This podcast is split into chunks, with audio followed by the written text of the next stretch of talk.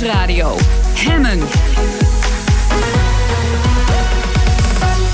Roelof Hemmen. Welkom bij Hemmen, je dagelijkse deep dive in het nieuws.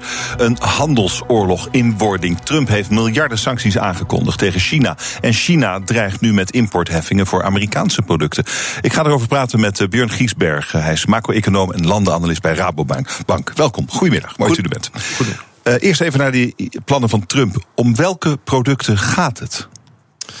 Nou, dat is op dit moment nog niet bekend. Uh, men heeft uh, in die zin pas over twee weken bekendheid aangekondigd. Uh, dat is een hele lange lijst, toch? Exact. Het gaat om, geloof ik, 1500 producten. echt in ieder geval meer dan duizend. En na die twee weken komt er zelfs ook nog een soort consultatieperiode van een dag of dertig waar de industrie op kan reageren. Dus dat betekent ook dat de daadwerkelijke invoering van de tarieven nog wel even op zich zullen laten wachten. Maar het gaat om een, een exportwaarde van 60 miljard, begreep ja, ik. Ongeveer, ja.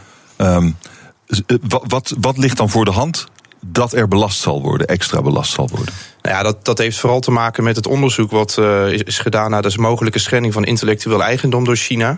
Uh, hoogwaardige technologische producten uh, zullen daarbij vooral geraakt worden. nou, dat is op zich ook niet heel verwonderlijk. Hè. Als je kijkt naar China, dan wil men onder, het, onder het mom van de zogenoemde Made in China 2025 leider zijn in een aantal sectoren. En ik denk dat daar vooral de pijlen op gericht zullen gaan worden. En dat mhm. zijn bijvoorbeeld hoogwaardige technologische sectoren als ruimtevaart, landbouwtechnologie. dus ja, eigenlijk alle alle, alle, sectoren die voor China belangrijk zijn richting die, uh, dat, dat strategisch eindpunt zullen waarschijnlijk geraakt worden. Oké, okay. uh, in dat licht moet je dan natuurlijk ook zien het plan om China te beperken in wat het mag aankopen in de Verenigde Staten. Ja, inderdaad. Ja. Uh, dat zal ook uh, eigenlijk bij die tarieven horen. Hè. Dus men zal na die periode ook zeggen dat er bepaalde invest of investeringsrestricties vanuit, uh, vanuit China zullen gelden. En dat is ook wel erg interessant, omdat Europa heeft daar ook eerder al beklag over gedaan. En de vraag is ook in hoeverre Europa daar bijvoorbeeld ook aan mee gaat doen. Maar vanuit China gezien is dat wel iets wat heel veel vraagtekens oproept. En daarom heeft men nu ook vandaag al aangekondigd. Hoewel dat niet te maken had met deze tarieven die gisteren zijn aangekondigd. Want dat heeft vooral te mhm. maken met de eerdere staal en aluminiumtarieven richting China. Uh, maar men heeft wel bepaalde tarifaire uh, maatregelen aangekondigd te waarde van 3 miljard. Oké, okay, uh, maar nog niet ingevoerd. Nog niet nee. ingevoerd, nee. nee. Nog even bij, ik wil nog even bij Trump blijven. Want Trump zegt dat hij dit doet omdat hij vindt dat de Chinezen oneerlijke handelspraktijken bezighouden. Bezigen.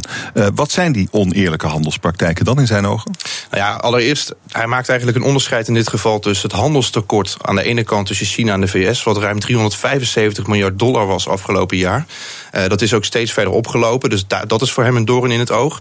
Maar de tarieven die gisteren zijn aangekondigd, die hebben vooral te maken met wat ik al aangaf, de schending van intellectueel eigendom. Dus als bijvoorbeeld een Amerikaans bedrijf de Chinese markt wil betreden, dan zie je vaak dat er bepaalde eisen worden opgelegd om samen te werken met Chinese bedrijven. Waarbij in wezen ook dus dat intellectuele eigendom, die technologische kennis overgedragen moet worden. Waarmee China dus een voordeel kan doen. Nou, dat is ook vooral een flinke doorn in het oog voor Trump. En vandaar ook deze tarieven. Ja, het is ook gewoon America first. America hij, first. Hij doet gewoon wat hij beloofd heeft eigenlijk. Ja, en in wezen ook wat China first zou je kunnen zeggen, vanuit China gezien. Ja, doet ze het ook. Uh, hoe zwaar gaat uh, de Chinese economie hieronder lijden? Nou ja, dat is uiteindelijk afhankelijk van het pakket hoe dat vormgegeven wordt. Het is een beetje flauw om te zeggen, maar daar is op dit moment daar nog gewoon geen duidelijkheid over. Nou ja, als, als je het hebt over een exportwaarde ja. van 60 miljard, dat is best geld. Ja, dat is zeker wat geld. Maar als je daarmee uh, kijkt dat China, geloof ik, vorig jaar rond de 490 of zelfs mm -hmm. 500 miljard heeft geëxporteerd naar de VS. Dan dus valt het wel weer mee, bedoel Dan, dan valt ja, het wel weer mee, ja, zeker. Dus in die zin. Uh, en, maar we moeten daarbij niet vergeten dat Trump gisteren wel heeft aangegeven: there is more to come. He, dus uh, ja, letterlijk vertaald zou er nog meer kunnen komen. Uh, ja, en dat is ook de grote vraag in hoeverre het hierbij blijft, natuurlijk. Ja, uh, nou, de Chinezen slaan dan terug, althans hebben dat aangekondigd. Um, maar het is wel minder, rustiger dan wat Trump doet, hè? Nou ja, daarom is... Dat is, ja, omdat het nog over de vorige sancties gaat. Maar dit zou ook nog wel eens een flinke klap kunnen worden... als ze hierover goed gaan nadenken, de Chinezen. Zeker. En ik denk ook dat ze in die zin een soort afwachtende houding hebben op dit moment. Hè. Dus men heeft eerst gekeken van nou, hoe gaat het nu met die staal- en aluminiumtarieven? En ik denk ook wel dat ze nu terugslaan, omdat natuurlijk Europa en een aantal andere belangrijke nou, partners van de VS juist vrijgesteld worden nu. Dus men krijgt het gevoel van ja, wacht even, nu richt men echte pijlen op ons. Dus nu slaan we ook deels terug met die 3 miljard. Het kan ook zijn, hè, omdat dit natuurlijk ook een pakket is wat gisteren is aangekondigd, die, die 50, 60 miljard waar we het net over hadden, dat het ook direct richting China is, dat ze nog harder gaan terugslaan. Maar ik denk wel dat ze ermee wachten tot het definitief wordt ingevoerd, of het bijna definitief hmm. wordt ingevoerd. Men zal niet terugslaan zonder dat bekend is wat er precies geraakt gaat worden. Is dit nou slim? Nou ja, puur vanuit economische logica niet. Eh, een handelsoorlog, of althans een op handel zijnde handelsoorlog, laten we het zo zeggen, dat kent in wezen alleen maar verliezers. Uh, dus wij als economen zijn hier ook echt niet blij mee. En ik denk ook heel veel bedrijven, en vooral grote bedrijven, die echt opereren in die mondiale waardeketens, totaal niet natuurlijk. Uh, dus er zit ook een flinke politieke laag onder. En dat moeten we ook niet vergeten. Uh, dus laten we zeggen, de economische ratio ontbreekt. Maar wellicht is het wel politiek gezien enigszins rationeel. Oké, maar het zou dus ook terug kunnen slaan in het gezicht van Trump. Hoe dan? Nou ja, als hij tarieven heft op uh, grootschalige import vanuit China, dan wordt natuurlijk de Amerikaanse economie geraakt, omdat prijzen nou eenmaal harder zullen toenemen daardoor. Dus de koopkracht van de Amerikaanse consument gaat uh, achteruit in die zin. Maar er zijn ook heel veel bedrijven, wat ik al net al aangaf, die vanuit Amerika echt heel erg actief zijn in mondiale waardeketens, die hierdoor ook geraakt zullen worden. Dus we moeten niet vergeten dat er heel veel Amerikaanse bedrijven uh, produceren in China, gebruik maken van de relatief lage lonen daar. En dat dat ook bijdraagt aan het handelstekort. He, want die export die dan vanuit China naar de VS plaatsvindt voor die Amerikaanse consument. Dat komt dan inderdaad ja, ja. ook vanuit China terug. Ja. En uh, wij in Europa, wij staan er een beetje tussen. En wij zijn eigenlijk de lachende derde op dit moment. Of niet? Ja, dat is uiteindelijk de vraag natuurlijk. Kijk, hoe ik het zie is dat er eigenlijk een aantal scenario's mogelijk zijn. Waarbij een van de scenario's, een heel extreem scenario, begrijp me niet verkeerd, maar dat moeten we ook niet uit het oog verliezen. Is dat Europa wellicht uiteindelijk concessies gaat doen aan de Verenigde Staten. En die concessies zouden ook kunnen zijn dat zij samen optrekken om China te kunnen raken. Dus om dat tekort, om die, eigenlijk die handelspraktijken waar het aan het begin over had, worden net ook over eventuele dumping van staal en aluminium in Europa. Uh, dat zijn dingen waar misschien Europa met de VS samen gaat optrekken, waardoor het negatieve effect voor China nog wel eens wat groter kan worden dan nu gedacht. Maar wat is het belang van Europa om dat te doen? Um, nou Dumping ja, voorkomen zou één ding kunnen zijn, maar wat nog meer? Nou, het feit dat natuurlijk Trump uh, ook, ook tijdens zijn verkiezingscampagne in de afgelopen jaren een aantal uh, uh, ja, directe verwijten heeft geplaatst naar Europese lidstaten, bijvoorbeeld richting Duitsland vanwege het handelstekort. Dus Europa zou hier zelf wat onderhandelingsruimte mee kunnen kopen, zou je kunnen zeggen. En in die zin ook wat meer op de hand van de VS komen en daardoor ook zelf minder onderdeel zijn van een mogelijk target vanuit de VS. Oké, okay, dus linksom of rechtsom, wij zullen hierbij betrokken worden. Dat is wel mijn verwachting, ja. De vraag is alleen hoe erg. Hè? Dus uh, ja, dat is uiteindelijk ook aan Europa zelf natuurlijk. Maar ik denk wel omdat Europa... Kijk, Europa is altijd voor vrijhandel. Europa vindt ja. handel heel belangrijk. Nederland is een kleine open economie, erg afhankelijk van de handel. Dus linksom of rechtsom zul je überhaupt betrokken worden... bij die handelsoorlog, voor zover dat die er komt. Hè? Dat moeten we er even een soort voorbehouden inbouwen. Ja, je bedoelt, dat gaat ons ook pijn doen ja, hier? zeker, ja. Dus dan zul je... Ja, als het straks gebeurt, ja, als nog, nog los van, van eventuele Europese maatregelen, wij gaan dat hier ook voelen als er een handelsoorlog komt, dan gaan wij dat zeker voelen. Uh, omdat wij gewoon voor een groot deel van onze ja. economische groei ook afhankelijk zijn van wat de wereldhandel doet. En hoe erg wordt dat dan? Ja, dat is uiteindelijk afhankelijk van het totale pakket. ja, dat is, ja, dat is ook logisch. Dat blijft, ja, dat blijft heel, heel, flauw om te zeggen. Maar het heeft natuurlijk echt te maken met hoe hard China terug gaat slaan. En hoe hard de VS daar eventueel weer op reageert. En ik denk dat uiteindelijk in de mondiale escalatie. Hè, en dat is vooral dan vanuit de twee grootste economieën komt, dus de VS en China. Dat dat wel echt flinke negatieve effecten kan hebben voor de wereldeconomie. Maar goed, we zitten niet in die fase nu. Hè. Ik bedoel, we moeten ook weer niet gaan overdrijven. Mm -hmm. Het is een belangrijk scenario, maar er is nog wel onderhandeling mogelijk. De vraag is alleen of dat in de ogen van de VS voldoende zal zijn. Hartelijk dank voor je analyse. Björn Giesberg van de Rabobank, dank. Wat hebben de blockchain en kunstmatige intelligentie met elkaar te maken? Ze brengen de Nederlandse behandeling van beroertes van goed naar beter. Dat zometeen. BNR Nieuwsradio. Van goed naar beter. Er gaat heel veel goed in ons land, maar laten we ambitieus blijven. Het kan natuurlijk altijd beter. Vandaag in Van Goed naar Beter het behandelen van beroertes. In 2016 stierven bijna 10.000 Nederlanders aan een beroerte. Mocht je een beroerte krijgen, een hersenbloeding of een herseninfarct is dat, dan is het zaak om snel behandeld te worden. En dat kan dus nog sneller dan we nu doen door kunstmatige intelligentie te gebruiken in combinatie met de blockchain. Bij mij Robert Kuipers, CEO van Nico.lab, spin-off van het Amsterdams Medisch Centrum en bouwer van medische kunstmatige intelligentie. En Renier van der Drift, hij is mede-eigenaar, co-founder van uh, Timeless. Dat is een leverancier van enterprise blockchain technologie. Dat is een hele mond vol. Goedemiddag, heren. Mooi jullie te zijn. Goedemiddag. Uh, we, we, we, gaan het hebben over uh, een, een beroerte. Een beroerte. Een beroerte is een herseninfarct, een hersenbloeding, dat soort dingen. En je kunt er aan doodgaan, maar je kunt er ook enorme schade uh, door oplopen. Hoe doen we het op dit moment in Nederland? Nou, Nederland doet het eigenlijk heel erg goed als je dat bekijkt ten opzichte van andere landen. Omdat Nederland heel uh, stringent eigenlijk georganiseerd is met betrekking tot de behandeling van een beroerte. En dan moet je uh, vooral denken aan de flow van iemand die een beroerte krijgt en dat dat geconstateerd wordt, tot aan de behandeling. En eigenlijk loopt Nederland daarin voorop. Oké. Uh, en wat kunnen jullie er dan nog aan toevoegen? Nou, een van de hele moeilijke punten van iemand die een beroerte krijgt, is op het moment dat hij in een ziekenhuis komt, wil je eigenlijk zo snel mogelijk de juiste behandeling vaststellen. Want iemand die aan een beroerte lijdt, daar gaat eigenlijk per uur verouderen de hersen met vier jaar van een gezond iemand. We weefsel dat het kapot gaat. Gewoon. Precies, weefsel wat doodgaat. Dus de essentie is om zo snel mogelijk te behandelen. Nou, wat kunnen wij daaraan doen? Hè? Kunstmatige intelligentie kan helpen als een ondersteuning van de radioloog om eigenlijk de belangrijke biomarkers, hè, bijvoorbeeld de hoeveelheid bloed die in de hersenen zou zitten in het geval van een bloeding, om die zo snel mogelijk kwantitatief vast te stellen, zodat je een goede behandeling direct kan vaststellen. Dat is eigenlijk de essentie van wat wij doen. Maar wat voegt dat toe aan wat er nu is? Uh, het gaat veel sneller, omdat op het moment is dat het menselijk oog eigenlijk, hè, die moet dus allemaal foto's interpreteren, scans, CT-scans in Nederland. Uh, en dat is eerst een bepaald type scan om eigenlijk wat je net in de inleiding goed zei, om te kijken is het nou een infarct of een bloeding. In 85% van de gevallen gaat het ongeveer om een infarct, maar dat moet wel snel vastgesteld worden. En als het een infarct is, dan wil je ook nog eens weten waar zit nou dat bloedpropje. Want dat is eigenlijk een biomarker, om het dan zo te noemen. Om te kunnen bepalen of je een behandeling kan doen. Het trombectomie, daar is Nederland ook wereldberoemd in. De Mr. Clean Trial.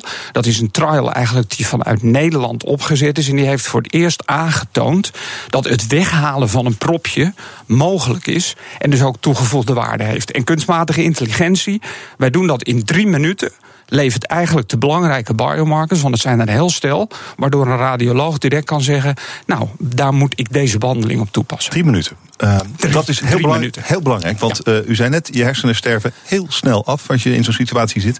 Hoe, hoe lang kost het een radioloog nu? Ja, dat is heel moeilijk om daar nou een antwoord op te geven. Want er zijn hele ervaren radiologen die bij wijze van spreken in ook minuten door de essentie van scans heen kijken en daar de belangrijke biomarkers uithalen. Want dat is natuurlijk een, een heel ingewikkeld iets. Maar ja, er komen ook situaties dat, en denkt u dan bijvoorbeeld aan een situatie dat iemand in het weekend of ouders in een ziekenhuis komt. Dan kan het ook zijn dat er minder ervaren mensen zijn en die hebben daar moeite mee. En dat kan ook zo zijn hè, dat, dat er kunnen heel veel situaties optreden in de hersenen. De een is makkelijk te zien en dus makkelijk door een radioloog te diagnosticeren. Mm. Maar er zijn ook situaties die heel moeilijk voor het menselijk oog te zien zijn. Ja, en daar is kunstmatige intelligentie natuurlijk de oplossing. Oké, okay, nou de winst is dat je zeker weet dat het altijd in drie minuten een, uh, een diagnose is. Meneer Van der Drift, waar is de blockchain in dit verhaal?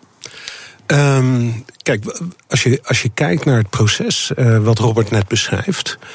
Um, en dat proces speelt zich af binnen één ziekenhuis. Dan weet de radioloog, uh, joh, deze informatie die ik nu zie, komt uit de scanner die ik voor me zie. En deze, patiënt, deze informatie hoort bij deze patiënt.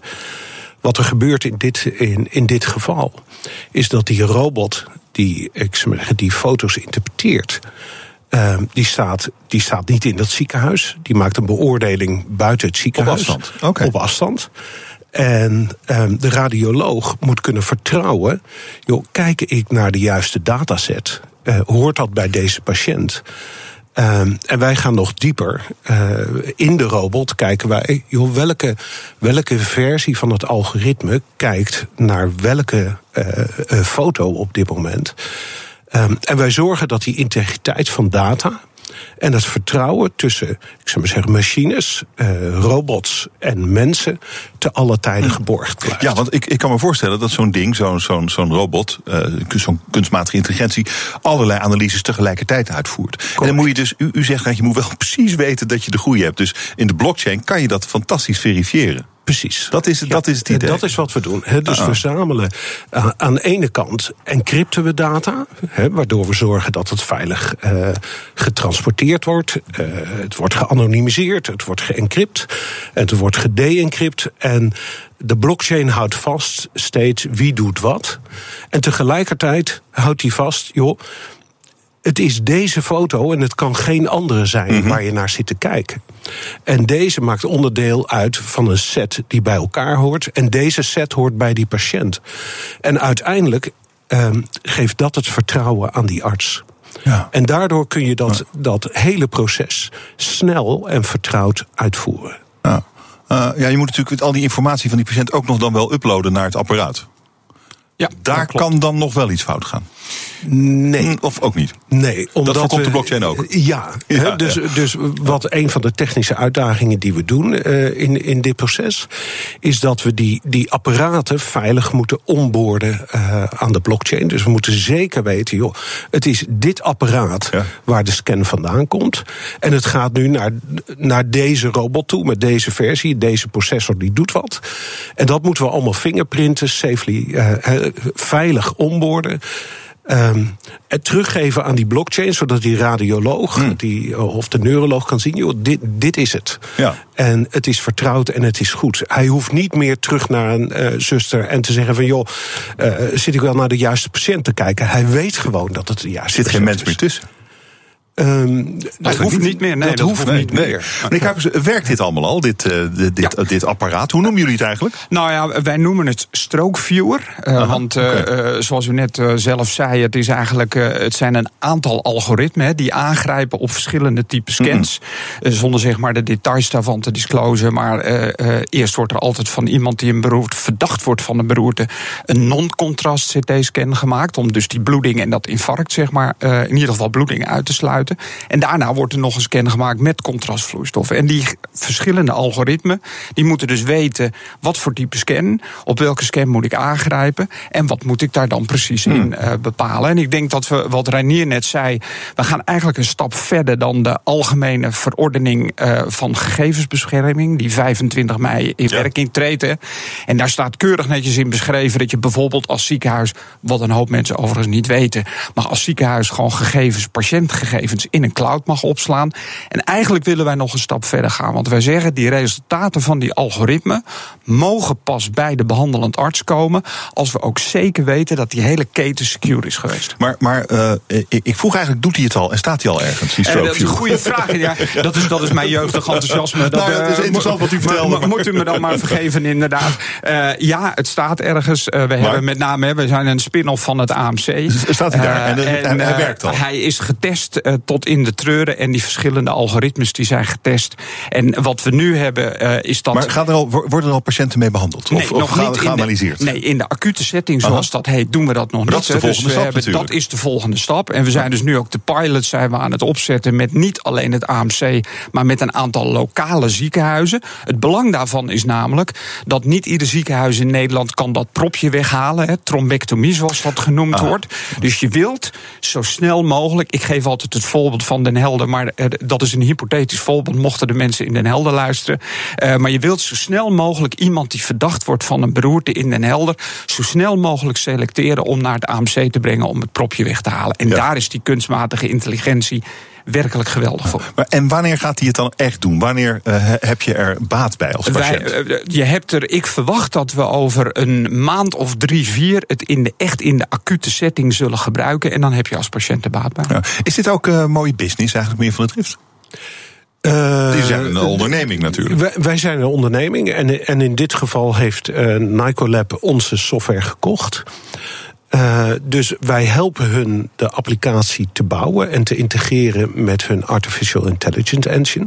En wij hopen uiteindelijk, uh, want wij hebben een pay as you grow, uh, hè, dus je betaalt okay. wanneer je groeit. Dus wij hopen dat zij uitermate succesvol en dat wereldwijd uitrollen. Ja, het heeft er voorlopig alleen nog maar geld gekost, denk ik. Over wat voor investeringen praat je dan in dit soort dingen? Nou ja, de investering aan de ene kant, hè, nogmaals, wij zijn een spin-off van het AMC. En het AMC is hier eigenlijk in 2012, 2013 mee begonnen. Hè, met grote groepen PhD-studenten om dit te ontwikkelen. Omdat zij natuurlijk vanuit de klinische setting de meerwaarde daarvan zagen. En het belang van de patiënt. Dus daar is veel geld in geïnvesteerd. Ja, en op dit moment inderdaad investeren wij ook nog. Heel kort nog even het interessante van de business case. In Nederland, om even de getallen te geven. De jaarlijkse kosten veroorzaakt door strook liggen boven de 2 miljard euro. 2 miljard euro. Wij denken dat we alleen al door sneller iemand ik geef weer even het voorbeeld, sorry, vanuit Den Helder naar Amsterdam kunnen Mhm. krijgen. Dat alleen al op de besparing in de tijd, als je dat doorrekent voor heel Nederland, wij op jaarbasis ruim 200 miljoen euro zouden kunnen besparen. Dus daar hebt u een indicatie van de business case. Dat is mooi. Ehm, en wat kost het een ziekenhuis om, het, eh, om, om gebruik te maken van de StrokeView? Eh, dat is een hele moeilijke vraag die ik heel lastig kan beantwoorden met een bepaald getal. Nou, dat is dat gebaseerd op de savings. Is er, is er, een, eh, een, eh, is er een, een streefdatum? Wanneer zegt u, ja, dat- dan moeten we het op zoveel mogelijk plekken hebben... en we willen de wijde wereld in, zei meneer Van der Drift net. Wanneer, wanneer wordt dit zo groot als jullie Eh, willen dat het wordt? Na de zomer beginnen we dit uit te rollen in de rest van Nederland. Mhm. eh, omdat we het dan eh, er een half jaar hebben draaien in de ziekenhuizen die nu deelnemen. We willen ook expres niet meer. Er is ontzettend veel interesse, ook vanuit buiten Nederland. En daarna komt de rest van Nederland komt aan de beurt. Eerst binnen Europa. Maar er zijn nu, ook daar durf ik niet alles van te zeggen. Maar er is inmiddels dermate veel interesse vanuit Noord-Amerika. dat ik niet uitsluit dat we ook heel snel daar iets zullen gaan doen. Ik wens jullie veel succes en hartelijk dank voor dit gesprek. Robert Kuipers, CEO van Nico Lab. En Reinier van der Drift, hij is mede-eigenaar en co-founder van Timeless, leverancier van Enterprise Blockchain Technologie. Hartelijk dank. Dank u wel. BNR Nieuwsradio. Hemmen. Hemmen. Fijn dat je luistert naar Hemmen, je dagelijkse deep dive in het nieuws. Spanning tussen Europa en Rusland loopt op na de gifaanslag op de Russische dubbelspion Skripal in Engeland. Europa geeft Rusland nu ronduit de schuld. Marietje Schaak is bij me, Europarlementariër voor D66. Welkom, goedemiddag. mevrouw Schaak. Goedemiddag. Hoe weet de Europese eh, Unie dat zo zeker dat het de Russen waren? Wat de Europese leiders hebben gezegd is dat ze de lezing van Groot-Brittannië, dat het hoogstwaarschijnlijk is dat de Russen erachter zitten, volgen. Dit is toch wel weer een stapje verder dan wat de ministers van Buitenlandse Zaken van de Unie eh, een paar dagen geleden zeiden. Ja, Dus wat is er in de tussentijd veranderd? Uh, er zijn gevolgen afgesproken. Dus er is afgesproken dat de EU-ambassadeur ook wordt teruggeroepen uit Rusland. Mm. als signaal van steun aan Groot-Brittannië bij deze lezing. Omdat het natuurlijk heel hoog wordt opgenomen dat er iemand op Brits grondgebied. Ja. met een militair niveau uh, gifgas is uh, aangevallen. Um, de, de vraag nu is hoe verder met Rusland. Er gingen stemmen op uh, van ja, sancties tegen Rusland. Uh, ik geloof dat Duitsland en Frankrijk daar al over nadenken. Nederland en nog een paar andere landen zitten er daar niet om te springen. Maar waar gaat dit heen, denkt u? Ik denk dat het heel nodig is dat we proberen Rusland weer binnen acceptabele en internationaal juridische normen te brengen. We hebben natuurlijk grote problemen met Poetin vooral. Uh, ik wil daar graag een onderscheid in maken tussen hmm. de, de machthebbers in Rusland en de bevolking. Als je kijkt naar de illegale annexatie van de Krim, als je kijkt naar de oorlog in Syrië, waar Rusland een hele belangrijke rol speelt in het ondersteunen van het Assad-regime en waar wij uh, natuurlijk ook in Europa de gevolgen nog steeds heel erg van voelen. En nu weer deze aanslag. Ja, dan, uh, dan zijn er heel veel redenen om te proberen Poetin in bedwang te krijgen. Nou, hij heeft net zogenaamde verkiezingen uh, hè, gewonnen. Ik bedoel, ik zeg het allemaal met uh, heel veel korrels zout, omdat er mm. natuurlijk helemaal geen ruimte voor oppositie was, geen mediavrijheid, grote problemen als je kijkt naar hoe die verkiezingen zijn gegaan. Maar toch, misschien is er daarom voor hem wat spanning af, omdat hij nu weer zeker weet dat hij de macht heeft. Kunnen we daar gebruik van maken? Um, maar zou u voor sancties zijn? Nee. Ik ben voor sancties voor de rol die Rusland speelt in Syrië. Ja, maar niet in deze, in deze zaak, Skripal. Ik denk dat het terugroepen van de ambassadeur een goede maatregel is. Ja, dat deden de Britten ook. Dat is en ook toen, een sanctie natuurlijk eigenlijk. Ja, maar dat deden de Britten natuurlijk ook. Die haalden hun 23 diplomaten, of de 23 Russen gooiden ze eruit. En volgens deed Rusland hetzelfde met 23 Britse diplomaten. Ja. Uh, nou ja, tot zover hoe de Russen daarvan onder de indruk zijn, namelijk niet. Nou ja, ze beantwoorden het met, met gelijke ja. munt. Maar uiteindelijk is het natuurlijk wel een, een, neerwaartse spiraal die je het liefst wil doorbreken. Maar de volgende stap is dus sancties, ja. economische sancties. Nou, je kan ook denken aan individuele sancties. Ik denk dat dat meer voor de hand ligt. Dus dan kijk je naar bijvoorbeeld het bevriezen van tegoeden van mensen, het beperken van hun reisvrijheid in Europa. Waardoor ze bijvoorbeeld niet hè, kunnen gaan winkelen met hun uh, vriendin of vrouw of kinderen moeilijker mm -hmm. kunnen bezoeken als die naar universiteit in Europa gaan. Want voor veel van die Russische elite, maar ook andere uh, elites in, uh, in de wereld, ook van landen waar we moeilijke betrekkingen mee hebben, is het gevoel van vrijheid en erbij horen, naar mooie musea, theaters gaan, op vakantie overal in Europa is heel, heel prettig. Dus dat je geïdentificeerd wordt als schuldig aan het overtreden van internationaal recht. en daardoor ook als individu verantwoordelijk wordt gehouden, vinden mensen niet leuk. Het was ook weer eventjes uh, één voor alle, alle voor één hè, op, het, uh, op het randje van de Brexit. Ja, een beetje, maar het heeft wel even ja. geduurd hoor. Ik bedoel, we zijn nu toch alweer een hele tijd verder voordat de Europese regeringsleiders hiermee komen. We hebben ook deze week gezien dat Jean-Claude Juncker Poetin weer feliciteerde, waar veel kritiek op was. Dus zoveel eensgezindheid is helemaal niet vanzelfsprekend in Europa over Rusland. Hmm. Uh, nou, en dat terwijl die andere handelsoorlog nou ja, uh, met Amerika, die is afgewend. Gisteravond werd bekend, die sancties gaan niet door in de richting van Europa. Uh, is in richting van China ligt dat een beetje anders. En China heeft nu ook terug, teruggeslagen met de dreiging in elk geval van sancties in richting van Amerika. Dat is echt een handelsoorlog. Uh, maar hoe komt het, denkt u, dat Europa ontsnapt aan de toorn van Trump? Wil heel veel een kleine correctie aanbrengen, want het gaat om invoerheffingen en niet om sancties. Je kunt het wel beschrijven uh, als een hogere drempel, maar het is wel echt een andere stap. Dat, ja, dus u bent precies voor de duidelijkheid. Terecht, ja. um, hoe het komt. Nou, ik denk dat het volkomen terecht is dat er vanaf het moment dat de impuls in Washington per tweet bekend werd gemaakt om invoerheffingen op staal en aluminium te gaan uh, aannemen op basis van nationale veiligheidsargumenten. Dat dat in Europa volledig verkeerd geland is en terecht. Omdat men denkt, hoe kun je nou NAVO-bondgenoten zijn en tegelijkertijd om reden van nationale veiligheid geen staal of aluminium mogen exporteren. Dat is natuurlijk een hele grote. Ja. ja, en dat, het is ook een, een glijdende schaal als je met dat soort argumenten gaat beginnen. Dus commissaris Malmström, maar ook andere regeringsvertegenwoordigers, die hebben in Washington gezegd: jongens, dit kan echt niet. We hebben een groot probleem en de Europese Unie wil geen handelsoorlog. Ik denk ook dat het heel belangrijk is om rustig aan te blijven geven dat het een heel erg slechte keus zou zijn van, van de Amerikanen. Uh, dus ik hoop dat dat heeft overtuigd. Maar je hm. ziet ook dat er.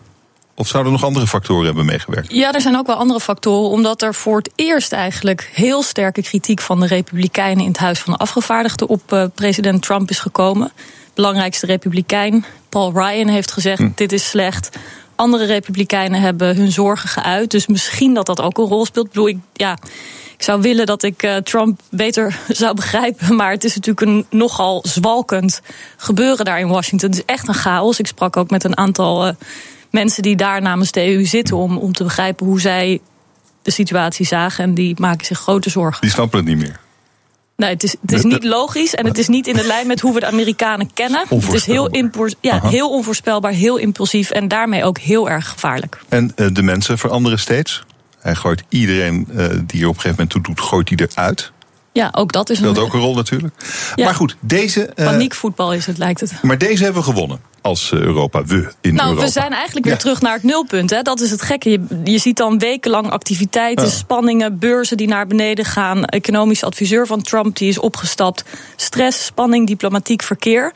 En dan is er gisteren een soort witte rook en dan ben je dus weer terug bij af. Dus het kost ook behoorlijk veel energie, dit allemaal. Ja, we zijn eigenlijk niet opgeschoten, dat is ook zo. Nou, in ieder geval niet achteruit gegaan. Dat is misschien het voordeel. Uh, gisteren spraken wij met Theo Hendra, hij is topman van Tata Steel in uh, Nederland. En hij zei: Het is nu een goed moment voor Europa om samen met Amerika de druk op China verder op te voeren. Luister even naar. De Verenigde Staten heeft een enorm uh, handelstekort richting China. Dat heeft de heer Trump duidelijk gemaakt.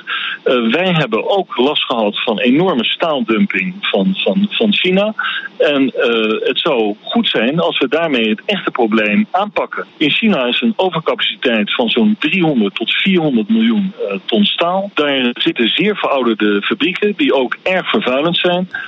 ik denk dat het goed is dat er druk op China wordt uitgeoefend om daar wat aan te doen. Theo Henraar van Tata Steel Nederland. Goed plan? Kijk, we hadden Trump of deze, mm. deze commentaren niet nodig om te weten dat er een groot probleem is mm. met China. Daar, daar zijn we in het Europees Parlement en breder in Europa al lange tijd mee bezig. Om die dumping, dus het te goedkoop aanbieden van staal op de Europese markt, tegen te gaan. Uh, alleen je moet dat wel doen binnen regels van de Wereldhandelsorganisatie. Dat is wat de Europese Unie bepleit. Ik vind dat ook goed. Want je moet natuurlijk niet hebben dat je zegt tegen China: hé, hey, hou je eens aan de regels. En dat dan zelf doet door de regels op te rekken. Wat we Amerika deze week zagen. Ja, maar dan hebben we dus niet zoveel mogelijkheden om dat te doen. Jawel hoor, zeker. Hoe dan? Je kunt een heel aantal, uh, dat noemen wij handelsdefensieve instrumenten inzetten. Waardoor je dus ook inderdaad tarieven, invoerheffingen kunt aannemen op Chinese producten. Dus dat moet je doen. Je moet je eigen markt beschermen tegen onder de prijs aangeboden producten. En uh, wanneer gaan we dat doen? Dat doen we al. Eh, Maar wanneer gaan we dat doen zodat meneer Hendra van Tata Steel er tevreden over is? Ja, of Want die meneer ziet, nog, die, ziet, nog- die ziet namelijk nog steeds een groot probleem. Klopt, maar hij is natuurlijk zelf een staalproducent. Eh, er zijn ook andere stemmen in Nederland en de Europese Unie. Het is, het is goed om naar beide kanten van het verhaal te kijken. Je hebt mensen die staal produceren, die maken zich terecht zorgen over de overcapaciteit en vooral ook het gebrek aan respect voor handelsregels in China. Maar je hebt ook mensen in de Europese Unie, ook in Nederland, die importeren staal. En die maken daar betere producten van. Dus die gaan van een ruw product naar een verwerkt product. En die willen natuurlijk niet dat er te veel straf komt. hè, te hoge invoerheffingen komen op goedkoop staal. Omdat zij denken, nou dan kunnen we daar weer mooi andere dingen van maken. En hier in Nederland waarde toevoegen. Dus als Nederland en ook als Europese Unie moet je goed oppassen dat je een gebalanceerde benadering kiest. En niet Ja. ja, inderdaad excessieve invoerheffingen heft. Waardoor er weer tegenreactie uit China komt. En je ook zo'n soort neerwaartse handelsoorlogachtige spiraal krijgt. Maar het moet wel pijn doen in China. Zeker. En dat doet het in voldoende mate nu. Nou, de- daar zijn in elk geval de mogelijkheden voor Ja, ja. om die straffen op te leggen. Het probleem is natuurlijk Maar dat. is, is dat al gebeurd? Nee, toch? ja, Het is, ja, Maar dat heeft niet geholpen. nog niet voldoende. Nee, nog dus- niet maar- maar- voldoende. Ja, dat is dus ook een probleem. En ik denk Ja, ook omdat dat je. het geen pijn doet in China. Nou, er zijn ook andere redenen. Namelijk dat, ik noem even een voorbeeld, eh, Duitse autofabrikanten. die dempen Ja, ja. Europees stevig optreden. Want die willen hun auto's weer verkopen in China. Dus er zijn echt meerdere kanten aan het verhaal die ervoor zorgen dat de Europese Unie ook graag goede betrekkingen met China wil. En er niet altijd keihard wordt opgetreden. De Europese Unie bereidt zich voor op de ontmoeting met de Turkse president Erdogan maandag. Dat wordt een spannend gesprek. BNR Nieuwsradio. Mijn gast is Marietje Schaken, zij is Europarlementariër voor D66. Mevrouw Schaken, maandag komen de Europese leiders Donald Tusk en Jean-Claude Juncker eh, en de Turkse president Erdogan bij elkaar. Dat wordt eh, een eh, stare-down, denk ik. Ja, nou, ik hoop in elk geval dat de Europese kant zich stevig zal, zal uitdrukken over de zorgen die er zijn over het gedrag van deze president in Turkije. Want er is natuurlijk zoveel aan de hand waardoor de relatie echt op een, op een eh, historisch dieptepunt is. Wat staat er op de agenda, de officiële agenda? Het moet gaan over de oorlog in Syrië. Het moet gaan over het eh, zogenaamde toetredingsproces, wat natuurlijk nergens eh, toe leidt. En over bredere betrekkingen. Dus het is een brede agenda. Dus eigenlijk over alle narigheid die er nu is met Ja. Turkije. En Ja. verwachten we iets van dat gesprek? Iets positiefs? En wat dan? Nee, ik heb er eigenlijk niet zo, zulke hoge verwachtingen van. Eh, ik ben eigenlijk kritisch op hoe weinig er wordt, eh, eh, wordt teruggeduwd op het gedrag van Erdogan door de regeringsleiders in de Europese Unie als het gaat om de mensenrechten schendingen. Er zijn natuurlijk eh, journalisten die in de gevangenis zitten, honderdduizenden mensen die hun baan zijn kwijtgeraakt. Allemaal onder het mom van afrekenen met degene die een poging tot een militaire coup hebben gepleegd. Nu is het logisch dat een land die mensen ter verantwoording wil brengen. En dat, dat is ook legitiem. Maar het is nu zo buitenproportioneel. En ja, de manier waarop dat gaat en waarop Erdogan zijn macht steeds meer eh, verstevigt, grondwetswijzigingen wil doorvoeren, is echt reden tot grote zorg in Europa. Wat, wat zou je dan eh, hopen dat Europa doet, of de lidstaten doen in de richting van Turkije? dat er veel harder wordt uitgesproken over die mensenrechten schendingen, over het optreden van Turkije in Syrië, waarmee ze tegenover bondgenoot de Verenigde Staten komen te staan. Maar wat je in de praktijk ziet, is dat lidstaten en de Europese Commissie zich vooral willen focussen op de opvang van Syrische vluchtelingen en daarmee een oogje toeknijpen op andere punten. En dat is mijn grote bezwaar. En omdat dat ook weer te maken heeft met die Turkije-deal. Daar Waar- gaat die Turkije-deal eigenlijk over. Ja, precies. Ja. Dus eh, u, u, u- waar u zich eh, druk over maakt, boos over maakt, is eh, eigenlijk het, eh, het, het vooropstellen van het eigen belang van Europa boven dat van nou ja, de, de mensen in Turkije. Ja, het. maar het is ook ja, een soort nou korte termijn belangrijker? lezing. Want, want je ziet nu al dat omdat er ook eh, onrust in Turkije is, er ook mensen uit Turkije zelf weg willen, dat we aan, aan Turkse regeringen minder voorspelbare en berekenbare bondgenoot hebben als het gaat om hoe ze nu optreden in Afrin, in Syrië. Dus er zijn grote problemen en die moet je wel op tafel durven leggen. En als je afhankelijk maakt, wat er door die Turkije-deal is gebeurd, en alleen maar bang bent dat er Syrische vluchtelingen worden doorgestuurd naar de Europese Unie, dan, ja, dan zie je gewoon dat er een neiging is om die kritiek niet te uiten. En ik denk dat dat een korte termijn uh, oplossing is, maar op lange termijn alleen maar meer problemen oplevert. Ja, het probleem, dat is precies het probleem, want op korte termijn werkt die uitstekend. Toch, die Turkije-deal? Hangt er denk ik vanaf van wie het vraagt. Nou ja, als, je, als je je verplaatst in de schoenen van Europese regeringsleiders wel, denk ik.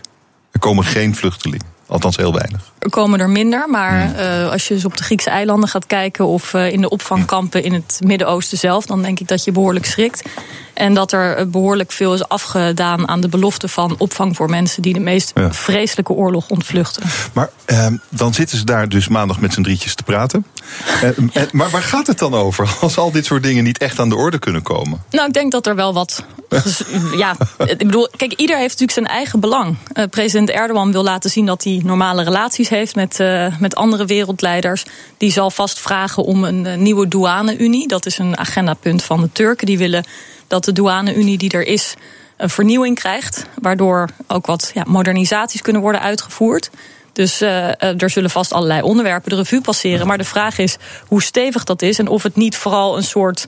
Ja, um, uh, hoe noem je het? Show is misschien een beetje een te denigerend woord, maar toch een soort uh, uh, vertoning is. Ja. Om aan allen te laten zien, ja, we zijn heus wel in gesprek en we kaarten heus wel de problemen aan. Wat zouden ze moeten doen, vindt u? Turkije-deal misschien gewoon opheffen. Ja, dat gaat niet gebeuren. Nee, dat gaat niet gebeuren. Nee, nou, dan zitten we dus vast. Nee, maar je kunt natuurlijk over een heleboel thema's nog wel praten. En er is ook uh, op verzoek van ons in het Europees Parlement hmm. bijvoorbeeld geld wat voor andere doeleinden naar Turkije zou gaan bevroren. Totdat er meer respect is voor mensenrechten en de rechtsstaat. Dus dat je het daarover hebt en dat je ook zegt dat dat verwacht wordt van een kandidaat lidstaat van een land waarmee die vluchtelingendeal nu in elk geval geldig is. Dat is denk ik essentieel. En zeker ook de hele Midden-Oosten-politiek van Turkije moet ter sprake komen. Want het is echt, echt een escalerend probleem wat zich daar afspeelt. En ja, zonder dat wij daarover in gesprek zijn met Turkije, is het ook voor de Europese Unie heel moeilijk om een goede rol daarin te claimen.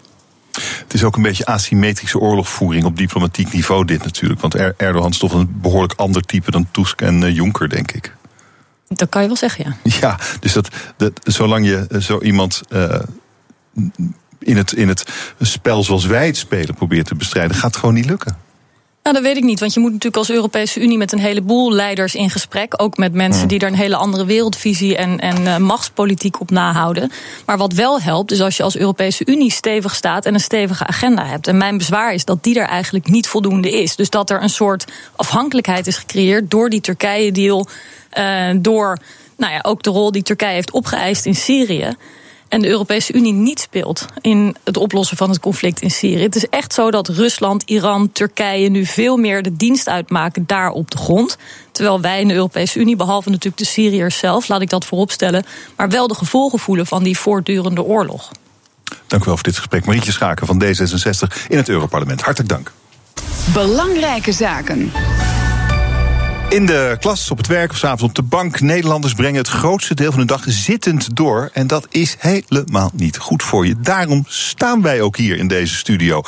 Uh, de vrienden Pepijn Rooijens en Maarten ten Holt bedachten daar een oplossing voor. De Upsta. En uh, Pepijn Rooijens is hier. Welkom. Goedemiddag. Mooi dat u er bent. Uh, de Upsta. Wat is de Upsta?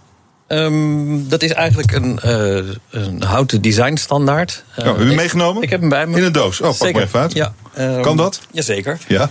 En je kan hem heel makkelijk op je bestaande bureau zetten. En uh, dan kun je van een gewoon bureau een zit-sta-bureau maken. Oh, je moet hem even nog in elkaar zetten? Of, uh... Ja, maar dat is. Oh nee, wat komt eruit? Wat zie ik hier? Het is triplex of zoiets lijkt het? Nee, het is. Het is uh, Berken multiplex. Multiplex van Berk, oké. Okay. Zal ik hem even hier zetten? Blijf alsjeblieft in de buurt van de microfoon. Dan. Ja, het is een soort muziekstandaard, een soort lessenaartje wordt het. Ja. Oh, er komt het derde onderdeel. Komt een derde oh, dat is, dat, het is inderdaad een lessenaartje. Ja. En dan is er nog een heel simpel onderplankje voor een toetsenbord. En dan is hij klaar. Nou ja. Vier dingen. En eh, ik zie al wat de bedoeling is. Je zet dat gewoon op je bureau. Dan hoeft je bureau niet omhoog. Maar dan maak Absoluut. je zelf je bureau hoger. En dan kan je staan. Ja. En voor 149 eurotjes ben je klaar. Absoluut. Ja, ja wordt die goed verkocht? Uh, ja, we, we zijn uh, 12 april bestaan we een jaar. Uh, een jaar geleden hebben we de eerste Upsta verkocht. En het gaat eigenlijk uh, boven verwachting goed. Waar ligt die in de winkels? Um, online vooral. Alleen online? Ja, en we hebben een aantal resellers. Uh, dus ja, dat gaat eigenlijk prima. Wat leuk, hoe kwamen jullie erop? Het is eigenlijk een samenloop van omstandigheden. Mm, Ehm, eh, Maarten die heeft een heel groot decorbouwbedrijf en die heeft de mogelijkheid om dingen te maken. En anderzijds zagen wij steeds meer mensen ehm, die met stapels boeken achter hun bureau Oh ja. eh, gingen staan. Ja, ja. ja, want je hebt natuurlijk ook bureaus die je gewoon omhoog kan schroeven. Maar die zijn dan duurder dan 149 euro, denk ik. Ja, die zijn vrij prijzig. Ja. Ja. Wat kost dat dan ongeveer, dat alternatief? Nou, je hebt, je hebt daar ook allerlei verschillen in. Eh, tot aan duizenden euro's. Ehm, maar daar zijn wij eerlijk gezegd niet zo mee bezig. En toen zijn jullie een beetje gaan eh, nadenken, gaan tekenen. En toen kwam dit ding eruit, de Upsta. Ja. Eh, Upsta. Het, het doet me, ja, op een of andere manier moet ik aan Ikea denken. Ik Nee, klopt. niet precies. Nou, de naam is ook een samenvoeging van, van een Nederlands en een Engels woord. En het klinkt Zweeds. Ja, dat is vrij eenvoudig. Ja. Oké. Ehm, eh, en, maar jullie moeten zelf ook wel het gevoel hebben gehad van... ja, staan is eigenlijk beter voor je. Zeker.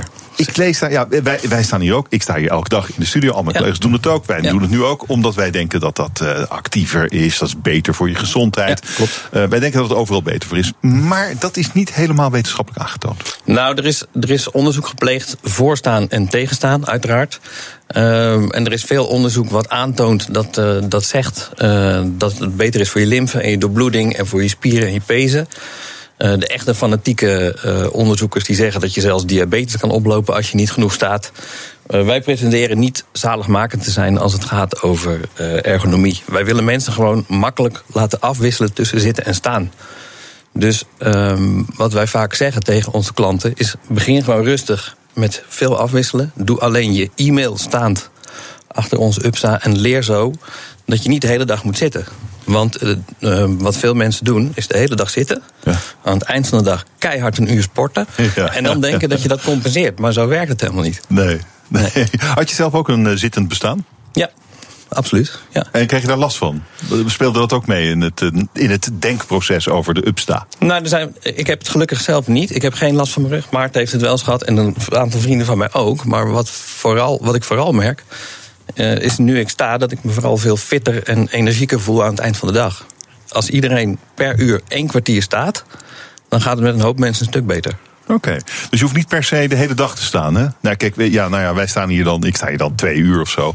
Ja. dat is natuurlijk niet heel eh, lang. Nee. Eh, de hele dag staan lijkt me ook niks eigenlijk. Nee, dat is ook, dat is ook niet goed. Eh, zowel de hele dag zitten als de hele dag staan. Dat, dat is hem niet. Het afwisselen, daar gaat het echt om. Ja. Eh, nou, dit is echt een heel simpel ding, maar ik zie nog wel een paar problemen. Namelijk, je hebt misschien een vol bureau. Eh, en ja, je moet hem toch, hij is, eh, wel zo, hij is flink groot, het eh, onderste stuk. Dus Ja. je moet hem echt ruimte op je bureau hebben.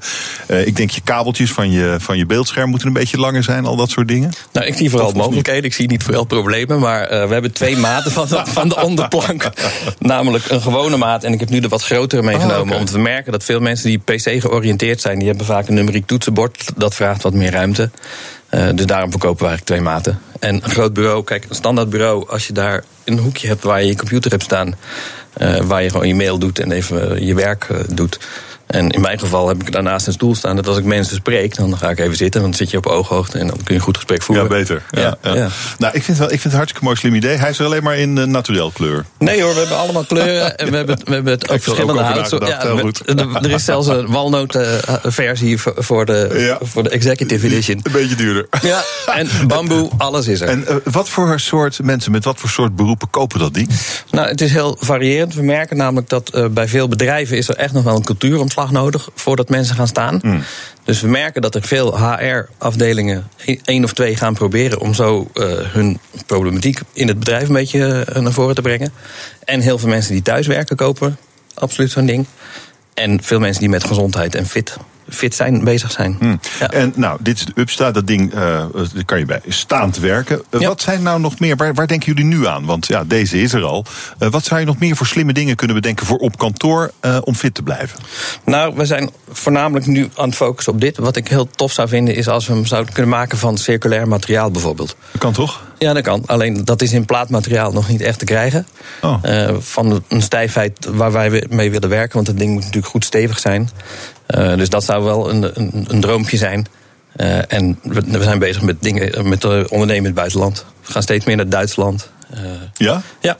Ja, Zweden zou ik zeggen. Ja, Zweden. Dat, uh, dit, dit wordt de IKEA-killer. nou, die potentie heb ik niet, maar we doen ons best. Veel succes en hartelijk dank voor dit gesprek. Pepijn Rooijs van Upsta. Dank. Dankjewel. BNR Nieuwsradio. Hemmen. Roelof Hemmen. Fijn dat je luistert naar Hemmen, je dagelijkse deep dive in het nieuws. Mijn gast is zesvoudig wereldkampioen kickboksen. Een prestatie die maar weinig mensen op hun naam hebben staan. Daarnaast doet hij nog veel meer. Hij heeft een boek uitgebracht, een nieuwe app. Hij speelt in reclames, hij acteert en ondertussen treedt hij gewoon door... om Badr Hari nog eens een keer in de ring te verslaan. Mijn gast is Rico Verhoeven. Welkom, mooi dat je er bent. Yes, goedemiddag. Uh, ik zou bijna zeggen, niet alleen een topsporter, ook een ondernemer, een zakenman. Uh, ja, ik doe mijn best. Ja, blijkbaar, ja. ja. Leidt het niet af van waar je core business is, namelijk de sport, het kickboksen? Uh, soms, soms. We proberen het, uh, daarom, ik heb natuurlijk een heel goed team om me heen. En we proberen het allemaal heel goed uit te balanceren met elkaar. Van nu kunnen we focussen op de randzaken, dus naast de sport. En nu is het tijd van, nu komt er een wedstrijd aan, dus nu moeten we focussen op alleen het sportgedeelte en geen afleiding meer. Mm -hmm. Dus dat is ja, lastig om soms een balans daarin te vinden. Maar wat is, wat is als je kijkt naar het ondernemerschap uh, je core business? Um, ja, dat is lastig. Dat is lastig. Kijk, het is, dan is het eigenlijk... Het is veel, het, het, ja, van alles. Maar, ja, maar laten, laten we het even het, het houden dat het dan het merk Rico is. En om het merk Rico maken we allemaal kleine sub bedrijfjes, dus een stukje merchandise, een boek, een app, een clinic tour. En dus maar uiteindelijk is het natuurlijk de core business is gewoon is Rico als zaken, als, als, als ja, kickboxer. Als, ja, als kickboxer, maar ook als zaak, zeg maar, als merk is het, is het dan Rico. En natuurlijk uh, daarnaast uh, ja, gewoon kickboxer Rico Vroeven. Ja, uh, ik, ik zat vanmorgen op je site te kijken en ik zag dat er je hebt, je hebt een onderneming met zes mensen om je heen. Ja. Uh, want uh, er is een nou, kickbox trainer, een bokstrainer, mental coach, een fitness trainer, een fysiotherapeut en een business manager. Ja, maar er zijn nog meer mensen. nog dus meer. die heb ik er nog niet allemaal eens opgezet. Nee, kijk, er komt gewoon zoveel meer bij kijken. Maar ik heb altijd zoiets van: als je het doet, moet je het goed doen. En daarom is mijn, mijn soort van motivatie: not good, but perfect. Dus ja, voor eigenlijk letterlijk bijna voor alles waar ik zelf geen verstand van heb, heb ik iemand voor. Dus financieel, juridisch, uh, noem het maar op. Dus die hebben we ook allemaal. Dus en, dat is belangrijk. Hoe, en hoe knoop je dat allemaal aan elkaar? Zijn dat mensen die bij je in dienst zijn? Of heb je, nee, zijn het ZZP'ers die ja, je dat zijn allemaal losse bedrijven. Losse bedrijven waar mensen wel een vast contactpersoon wat fijn ja. werkt. Ja. Uh, nou, ik zat, ik zat naar dat, het lijstje te kijken. Ik dacht kickbokstrainer en bokstrainer. Is dat, is, is, dat, is dat een groot verschil? Ja, zeker. Ja? Zeker. Boksen, kickboksen is een heel andere sport. Boksen ja, mag je je benen, benen niet gebruiken. Ja, ja. dat is wel nee, een verschilletje. Nee, het is natuurlijk, denk je, oh, dat is alleen je benen niet gebruiken. Maar het is een heel groot verschil. Het is echt gewoon een totaal andere sport. Andere stand, andere bewegingen. Je ziet vaak met boksers dat ze hun voorstand laag hebben. Omdat ze daarmee kunnen spelen dan en kunnen bewegen. Maar mm. bij ons, ja, wij hebben ook nog een been wat, ja, wat omhoog moet. Die arm hoog. ja, ja. Dus uh, dat is echt anders. Dus en ik probeer die twee werelden eigenlijk met elkaar te fuseren. Zodat ik een mooie combinatie heb van boksen en kickboksen. Ik onderbreek dit gesprek even voor een bericht dat net binnenkomt. Er zijn minstens twee doden gevallen bij die gijzeling in die Franse supermarkt. Melden in elk geval Franse media. Wij volgen dit verhaal. Uh, zo gauw er meer bekend is, hoor je dat natuurlijk hier. En je kunt het ook nalezen op bnr.nl. goed, uh, Rico Verhoeven, Verhoeven, mijn gast. Uh, we hebben het over boksen en over kickboksen. En er zitten verschillen in. Yes. Uh, maar is het dan wel handig om bokstraining te doen als je kickbokser bent? Ja, zeker. Wat, wat heb je om... daar voor voordeel aan? Omdat, wat ik zeg, boksen gebruikt toch net even een andere bepaalde techniek, andere bewegingen, veel voetenwerk. En als ik die twee, twee werelden, de beste van de, allebei de werelden, door elkaar kan fuseren, ja, dan ben je bijna onverslaanbaar. Ja, is dat een kenmerk van jouw stijl ook? Ik denk het. Ja? Ik, denk, ik, ik, ik, ben, ik heb het gevoel, ik ben nooit uitgeleerd. Ik ben altijd, probeer altijd beter te worden. Ik zeg ook altijd, met alles wat ik doe, dus zowel zakelijk als uh, op sportgebied... het kan en het moet altijd beter. Ja. ja. Er is altijd ja, ruimte voor verbetering. Ja. Ja. Dus ook waar al ben je binnen 10 seconden klaar. Er is altijd ruimte voor verbetering. En waar zie jij in je, in je eigen stijl van, van vechten nog verbetering? Met dat boksen bijvoorbeeld. Maar zou je daar ook nog andere uh, disciplines bij kunnen halen? Mm, ja, zou kunnen. Zou kunnen bijvoorbeeld een beetje karate. Voor, om je traptechnieken nog te, nog te verbeteren. Uh, omdat ik ben van mening, elke sport heeft zijn eigen sterke en zwakke punten. Dus ja, weet je, alle, alles heeft eigenlijk een een voor- en een nadeel. Maar eigenlijk moet je proberen zoveel mogelijk van al die sporten bij elkaar te zien te krijgen. Ja, maar je beperkt het nu tot eh, boksen. Ja, ik zie je ook niet uh, ballet doen of zo. Nee. Dat is- nee, nee, Hoewel nee. het ook hartstikke goed voor je Ja, zijn. zeker. natuurlijk. Goed voor je balans. Ja, eh, sowieso. ja. Dus zonder twijfel. Zonder Maar ja, je twijfel. zegt ja, steeds beter. eh, goed is niet goed genoeg, moet perfect zijn. Maar als je zes keer wereldkampioen bent geweest, dan zijn het wel hele kleine marges. Hè? Ja, misschien wel. Misschien wel. Maar het maakt niet uit hoe klein ze zijn. Ze zijn er. Dus het, d- er is ruimte voor verbetering. En daar, daar hameren we op. Ehm, nou, fitness trainer, nou, dat begrijp ik. Je moet in, eh, in vorm blijven. Fysiotherapeut snap ik ook. Je Mhm. loopt wel eens een blessure op. Ben je blessuregevoelig eigenlijk? Nee. Afkloppen? Afkloppen, heel goed. Nee, gelukkig Eh, niet. Dus waar hebben die fysiotherapeut dan voor? Eh, ja, het lichaam lekker los te blijven. Nee, maar wel om Ja. het lichaam Ja. los te blijven houden natuurlijk. Dus eh, ik train hard, dus regelmatig spierpijn of last van de spieren. En dat lekker goed laten doorbloeden is belangrijk. En de, de mental coach, Ja. wat doet die voor je? Ja, die, die heeft eigenlijk, denk zijn meeste werk al, al, al verricht. En dat is eigenlijk toen hij zelf ook nog vechter was. En ik heb zoveel van deze man geleerd. Dus door de druk die hij mij gaf, terwijl we samen aan het trainen waren, van hij liet nooit zien dat hij moe werd. En als ik liet zien dat ik moe ging hij nog een tandje extra. Dat ik denk van, maar hoe dan? Is deze man niet moe? Weet je wel? En zo zijn we dat eigenlijk, zo ben ik dat ook op gaan pakken. En daar heb ik zoveel van geleerd, van onze trainingen samen.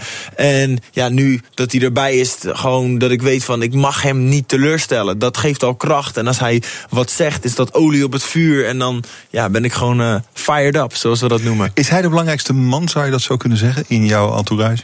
Mm, nee, Misschien wel nee, als je het zo zegt. Nee, ik denk het niet. Ik denk het is, Oh. ze hebben allemaal hun Ja, ja, oké. echt hun. eh, op, op bepaalde gebieden heb ik hun allemaal nodig op dat moment. Maar mental coach is voor jou vooral eh, in het gevecht. Ja. Daar gaat het om. Yes. Daarbuiten eh, heeft hij eigenlijk niks te doen. Nou ja, hij, is er, hij is er altijd bij bij de trainingen. Ja, en komt ja. hij kijken. En hey, let daarop, let daar. Want hij heeft ook gewoon heel veel verstand van de sport. En jouw mentale staat in zo'n gevecht moet zijn eh, onverstoorbaar en onverwoestbaar. Dat, is, dat is eigenlijk wat je, wat je wilt voelen en wat je ook uit moet stralen dan.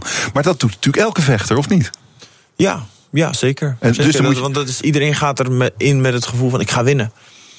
Maar ja, er kan maar één winnen meestal. Ja, Dus, meestal eh, jij. Ja, meestal ik. Dus jij doet iets beter. En dat zit natuurlijk ook in die.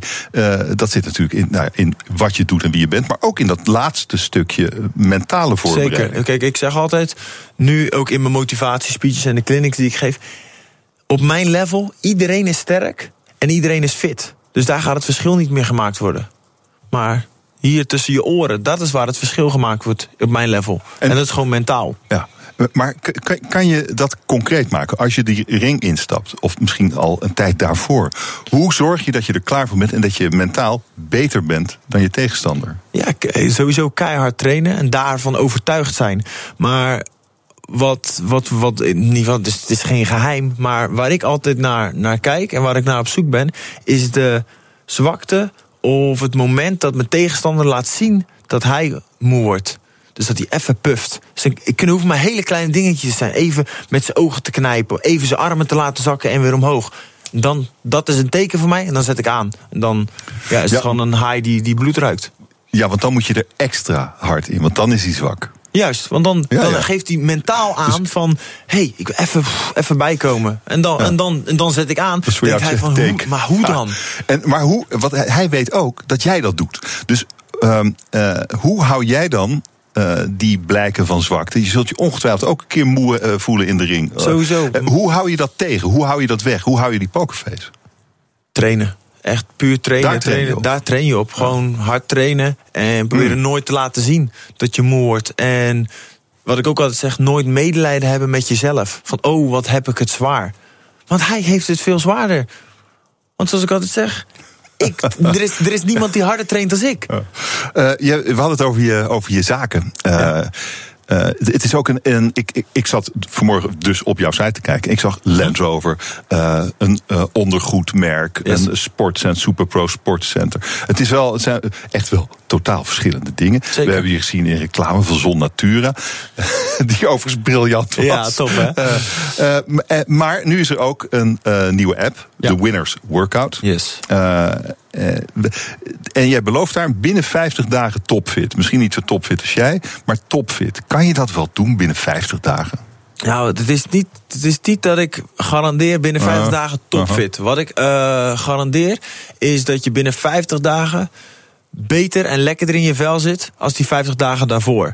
Dus je zit lekkerder en fitter in je vel. Dus ik, ik werd wereldkampioen. Ehm, ik heb een heel team om me heen natuurlijk.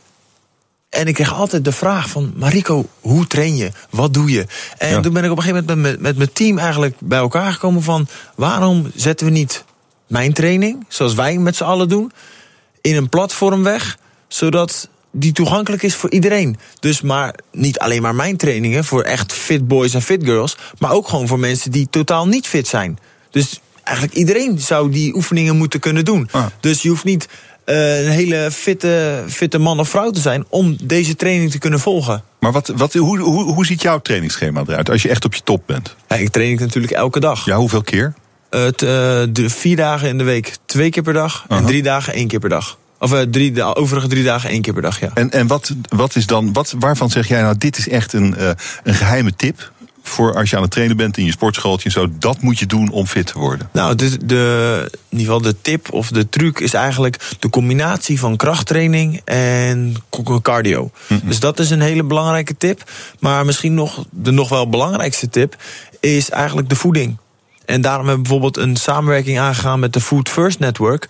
Die hebben eigenlijk dezelfde visie als dat ik heb. Omdat het, als je gaat diëten en alleen maar dieet, dan draai je op een gegeven moment een beetje door. Dan is het bijna niet meer vol te houden. En hun hebben dezelfde visie als ik.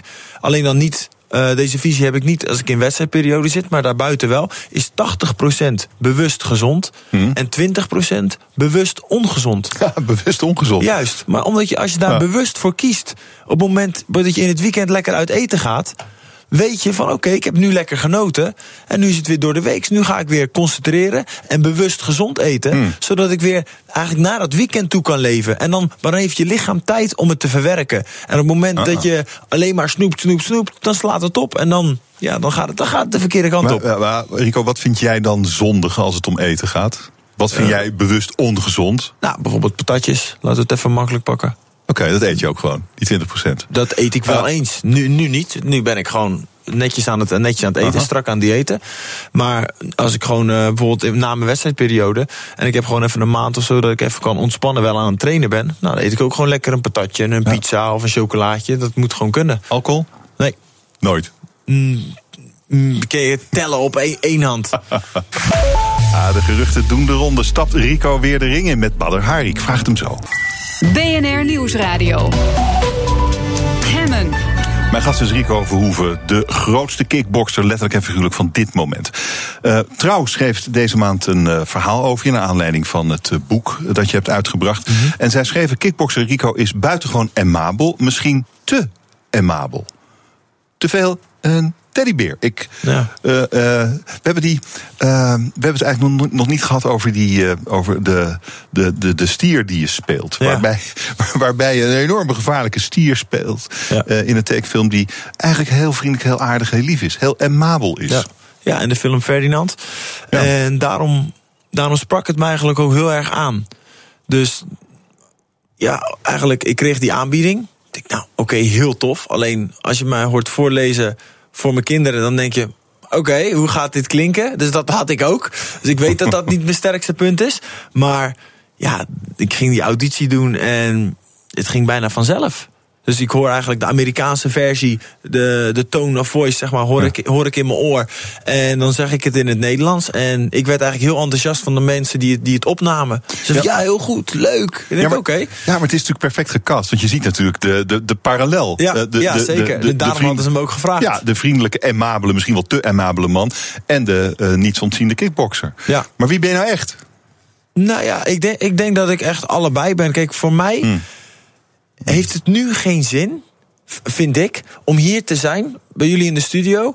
En dat je een gevoel hebt van zo, ik ben echt onder de indruk van, van Rico. Hij komt binnen en ja, geeft een bepaalde druk en hoe die kijkt. En ik wil jou niet, ik, het heeft geen meerwaarde om jou een soort van onder de indruk van mij te laten worden. Door middel van een soort agressie bedoel je? Ja, agressie of uitstraling. Ja. Ik ben gewoon wie ik ben. Maar natuurlijk ben ik wel die vechter. En dat laat ik zien in de ring. Alleen ik weet precies wanneer ik die persoon wel moet zijn. en wanneer ik die persoon niet hoef te zijn. En nu ben ik gewoon Rico. Ja, gewoon de Rico die ik thuis ook ben en die ik ook op televisie ben. Dus ja, ja dat is altijd dezelfde persoon, behalve in de ring natuurlijk. Ja, eh, wat, dan verlies je de vriendelijke Rico. Ja, maar die, die Rico is er ook niet ineens. Die, die is er, zeg maar, naarmate die wedstrijd dichterbij komt. Dus vraag het aan, aan bijvoorbeeld aan mevrouw een week of drie van tevoren. Is Rico niet zo gezellig meer? En dan wordt hij soort van kort in de car, omdat hij zo getraind is, zo gefocust is. En dan verander ik eigenlijk in de Rico die, die op een gegeven moment in de ring staat. Oké, dus dat is een langzaam proces. Ja, dat is niet de een op het andere moment dat ik ineens die Rico ben. Oh, wat dus minder leuk is uh, voor thuis. Ja, zeker weten. Zeker weten. Dat is bijvoorbeeld in de documentaire ook te zien. Die, uh, die op YouTube staat. En ja, dit is, dit is lastig. Ik vind het zelfs moeilijk om er zelf naar te kijken soms. Waarom ga je dan niet uh, weg een tijdje? Als je in, in trainingskamp ja, meestal, of zo? meestal pak Doe je ik dat een week, een week of zo. Maar ja, ja anders mis ik ook de, de kindjes en de vrouw natuurlijk. Dus ja, dat, dat, dat kan ik niet zo lang weggaan. Wat is voor jou de schoonheid van je sport, van het vechten? De schoonheid uh, is wel echt het stukje intelligentie en schaakspel erachter. Hm. Er komt zoveel meer bij kijken dan alleen maar stoten en trappen. Want dan had iedereen het wel gekund, zeg ik altijd. Je hebt het over een soort gevechtsintelligentie. Wat, wat is dat? Denken aan echt letterlijk schaken. Stap 2, 3, 4 en 5. Dus ik doe dit, jij doet iets terug dan heb ik daar alweer wat op bedacht. En dan is de kans groot dat jij op wat ik terug doe, dat terug gaat doen. En zo ver ben ik aan het nadenken op het moment dat ik in een gevecht zit. En dan voer je dat uit in een paar seconden. Ja. In tien seconden of ja. zo. Ja, dat gaat heel snel. En dat, dat heeft heel veel tijd nodig. En dat probeer ik dus ook jongens die nu aan het opkomen zijn, waar ik mee train, probeer ik dat ook te leren. Jongens, denk niet alleen maar: oké, nu doe ik dit. Oké, en nu doe ik dat. Oké, hmm. probeer verder te denken. Probeer in ieder geval naar stap 2 te gaan en daarna naar stap 3. Ja, ja. Dat, dat gaat eigenlijk niet over, uh, over het heldenverhaal wat er ook in zit. De winnaar en de verliezer. Nee. Nee. nee dus echt, echt, voor mij is het dan echt een spel en echt een, ja. uh, een schaakspel mm. eigenlijk. En ik wil, ik wil wel winnen. Maar ik wil eigenlijk het gevoel creëren dat mijn tegenstander denkt: wat doe ik hier? Ik heb gewoon geen kans. Ik kan deze man gewoon niet raken. Ja.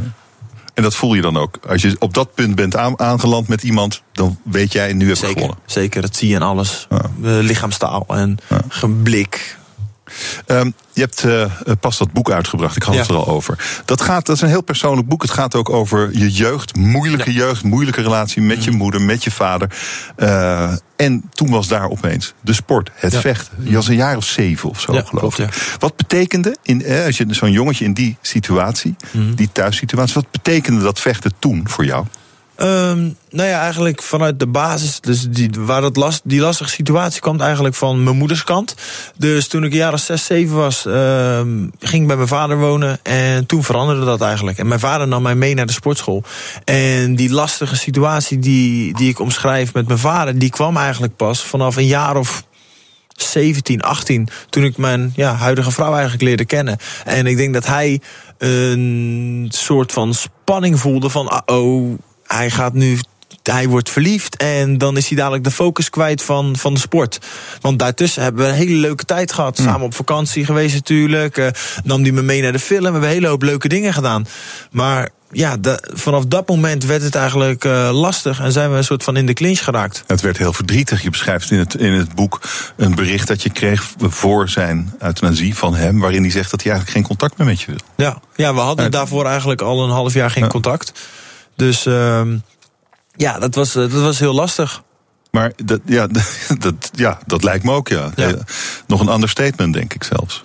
Ja, zeker, zeker. Maar ik, uh, hoe ik deze situatie probeer te beschrijven, zodat mensen het soort van kunnen begrijpen, is als je regelmatig of heel vaak de, dezelfde, de klap, dezelfde klap krijgt op dezelfde plaats, dan aan het einde doet hij niet zoveel pijn meer.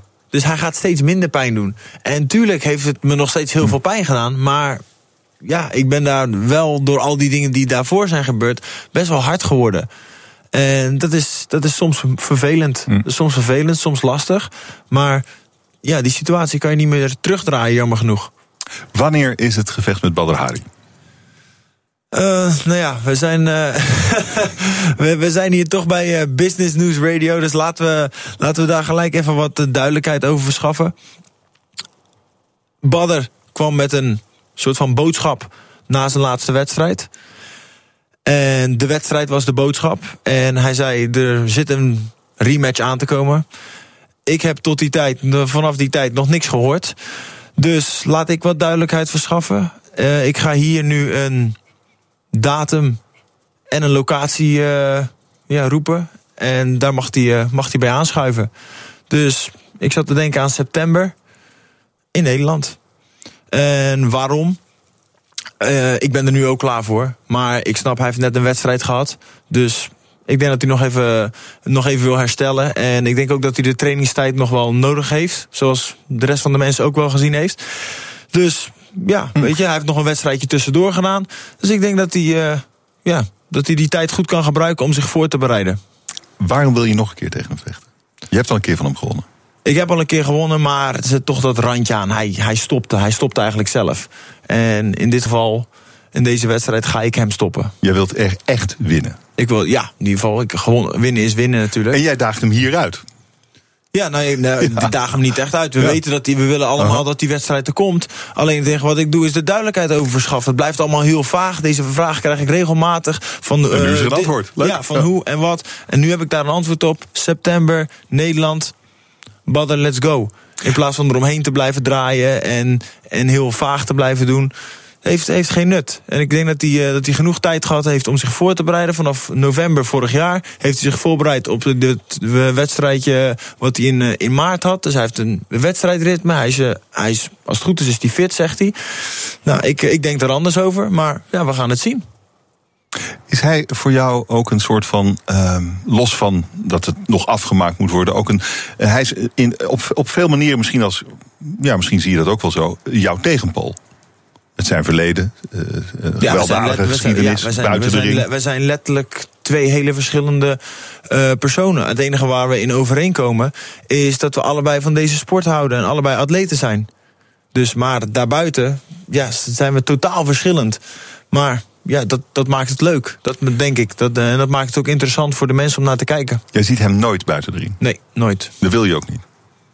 Mm, ja, we komen elkaar gewoon niet tegen. Ja, ik heb, ik heb, ik heb voor de rest niks met hem, maar ik heb ook niks tegen hem. Dus het is gewoon, dit is sport. En ik wil gewoon laten zien dat ik de allerbeste ben. En wat ik zeg, hij gaf, hij stuur, gaf me een soort van boodschap. Dat was de wedstrijd. De wedstrijd was zijn boodschap. Nou, dit is, dit is de boodschap voor hem. September in Nederland. Dankjewel voor dit gesprek. Rico Verhoeven, dank je zeer. Top, dankjewel. BNR Nieuwsradio. Hemmen.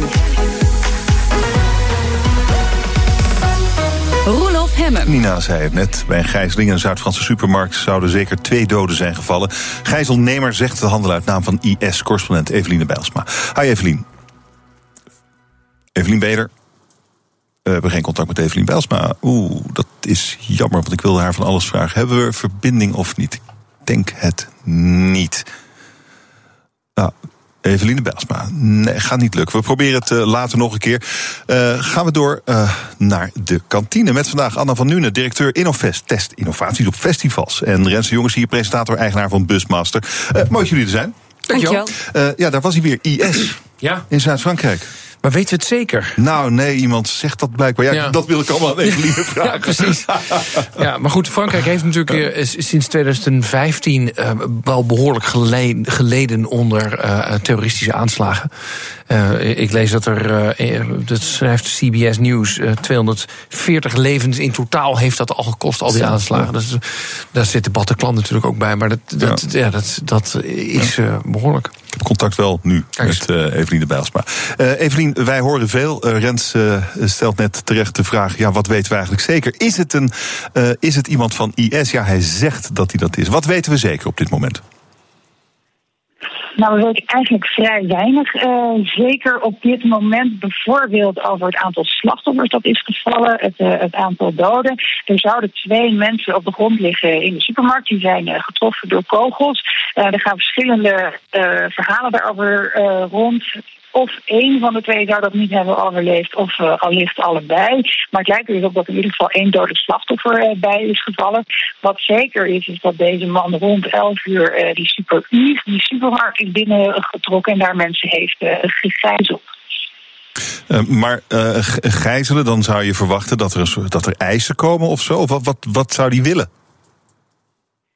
Dat is nog niet helemaal duidelijk. Want ja, op dit moment komt er heel veel buiten waarvan je ook helemaal niet kunt verifiëren of het waar is. Maar wat het laatste nieuws is, is dat hij zou hebben geëist, want hij heet inderdaad dan misschien wel een eis, dat uh, Salah Abdeslam, de enige nog levende terrorist van de aanslag van 13 november 2015 in Parijs, dat die wordt vrijgelaten. Maar goed, niks is helemaal uh, zeker op dit moment. Nou, hou ons op de hoogte zo gauw er meer duidelijk is. Eveline Bijls, mijn Frankrijk, dankjewel. Goed, gaan we. Uh, gaan we ik zet even de televisie aan. Ja, ik zat, nee, aan nee, nee, ik zat, uh, ik, ik zat CBS Nieuws even te kijken. Over Frankrijk, dus het ging er wel over. Oh, Oké, okay, ja. goed. Nou, we horen het zo meteen wel van Evelien als er nog, uh, nog nieuws is. Moet jullie even naar het binnenland. Er zijn geen fouten gemaakt, er is geen sprake van fraude. Toch willen minstens vier gemeenten een hertelling van de, stemming, van de stemmen van de gemeenteraadsverkiezingen. Het gaat vooral om vechten voor één zetel eigenlijk. Mm. ja, wat is dit? Is dit een geval dat je slecht tegen je verlies kunnen? Of Anna, wat denk jij? Nou, er zit een gemeente bij waar het om één stem gaat. Dus het lijkt me wel degelijk. Uh, ja, dat, dat kan gewoon. Hè. Op, de, op de Tweede Kamerverkiezingen zie je dat niet zo gauw. Maar een gemeente als Schiermonnikoog, daar telt iedere stem. Mm -hmm. Dit was volgens mij Dalfsen trouwens. Maar ja, dan kan ik me eigenlijk wel voorstellen dat je een hertelling wil ja. als uh, politieke partij. Ja, in Venray bijvoorbeeld uh, hebben CDA en Venray, Venray lokaal exact evenveel stemmen. Wow. Ongelooflijk, de regels schijnen niet verzinnen. Ja. Nee, de regels schijnen dan voor te schrijven, er moet er gelood worden. Maar ja, dat willen ze niet, ze willen een hertelling. Ja. ja. Weet je wat ik me wel afvraag, maar dat zal wel goed geregeld zijn, maar ik vraag me toch af. Uh, ik, ik heb op die avond van dat uh, stemmen tellen, zag je van die nou ja, van die uh, kamertjes waar mensen dus die stemmen aan het tellen waren. En het lag ook echt overal. Ik weet niet of je die foto's op social media hebt gezien. De bende. Uh, een bende dacht, was een bende. het. Wat een, ja. Maar ik denk, oké, okay, maar natuurlijk dacht ik bij mezelf... Dat, dat zijn al de getelde stemmen, dus dat, daar hoef je niet zo netjes mee, mee om te gaan. Maar als er dan een hertelling komt, ja. heeft iemand dan dat allemaal opgeruimd? Ja, en ja, zo... maar nee, hoe gaat dat dan? En, en als ik zou willen frauderen, zou ik het op de volgende manier doen. Ik zou het niet in de, in de stembusgang doen. En ik zou het ook niet tijdens het tellen doen. Maar ik zou gewoon, als we alles aan het opruimen zijn... zou ik ergens aan mijn binnenzak nog even een stapeltje halen... erin donderen en tegen iemand zeggen... Ja, volgens mij moet je een hertelling aanvragen. Ja. Zo zou ik het doen. Je hebt hierover nagedacht. nou ja, we zullen, we zullen zien waar het toe leidt in Dalfsen en in, uh, in Venray. Uh, Facebook-schandaal. Hmm. Zuckerberg ja. heeft zijn excuses aangeboden. Maar nu gaat het Europees Parlement onderzoeken om de, een onderzoek doen om de volledige waarheid, zoals hij het zegt, boven water te krijgen. Ja. Wat zou die volledige waarheid kunnen zijn? Ja, de. de um dit lijkt een beetje een foutje. Hè? De, de, we hebben wel geprobeerd om de gegevens gewist te laten worden door degene die. Uh, hoe heet ze ook weer? De, de partij die die gegevens. Cambridge uh, Analytica. Ja, ja, ja, tuurlijk, ja, Cambridge Analytical. Maar uh, ja, we hebben niet zo goed opgelet. Dus. Mm -hmm. um, dat roepen mij eerlijk gezegd wel de vraag op. Maar ik ben ook, ik vertrouw alle grote techbedrijven niet allemaal even goed. Dat roept bij mij de vraag op: zit hier dan meer achter? Is hier misschien iets aan de hand of, of gebeurt dit vaker? Ik ja, bedoel, ik heb helemaal geen zicht op. Facebook zegt eigenlijk: we zijn een beetje besodemieterd door Cambridge Analytica. Mm. Ja, maar goed, weet je, volgens mij is dit een kwestie van ook wel arrogantie. Uh, wat je ziet, uh, uh, The Guardian is er overigens ook ongelooflijk op aan het duiken. En daar wordt gewoon niet gereageerd als zij een interview willen met Mark Zuckerberg. Weet je wel? Dat we gewoon negeren we allemaal. U, u, schrijft maar wat wij willen. Ik hoorde wel dat hij een interview had gegeven met de New York Times. waarin hij had gezegd: Nou, het, het spijt me ook wel echt. Ik zag hem op CNN. maar het, moeten, we moeten het er wel uittrekken, poldomme, hè? En, en, dit, en dit gaat over iets wat volgens mij in 2014 is gebeurd. Toen waren de Facebook of de privacyregels bij Facebook nog niet zo stringent. Dus dan kon je inderdaad ook echt minen. Niet alleen wat ik mijn gegevens waren, maar ook van al mijn vrienden. Ja, ik denk dat ze met elkaar hebben bedacht, oeh, dat wordt wel heel ernstig. En dit is een soort lijk uit de kast. Als we nou heel hard tegen die kast blijven duwen, dan valt het allemaal wel mee. Hmm. En nu krijg je maar dat weet ik niet. Ik weet het niet. Kijk, ik ken heel wat mensen die hun Facebook-account als, als protest hebben gedelete. Maar ik zit in mijn bubbel van, ja. van de journalisten die dit allemaal heel belangrijk vinden. Uh, en dat heb jij denk ik ja, ook niet. Dat, dat heb ik dus veel minder. Okay. En, en, dat vind ik zo bizar. Want ik heb uh, aan veel mensen gevraagd afgelopen woensdag... heb je voor of tegen de sleepwet? Nou, dat is een groot onderwerp. Iedereen heeft het erover. En dit gebeurt in dezelfde week met Facebook. En is eigenlijk qua omvang en qua impact... in ieder geval in, in nu veel groter. Ja. Je weet niet wat de toekomstige politiek natuurlijk gaat doen. Maar, dus, en, en dat contrast, dat vind ik enorm. En dan ja. vraag ik inderdaad mijn omgeving... heb je wel eens overwogen om Facebook op te zeggen? Dat zijn er eigenlijk maar heel weinig. Oh, jij wel? Uh, ik heb hem wel eens overwogen, maar ik heb het ook niet gedaan. Ik heb hem gisteren gedelete. Oh, echt? Dus ik moet nog twee weken wachten.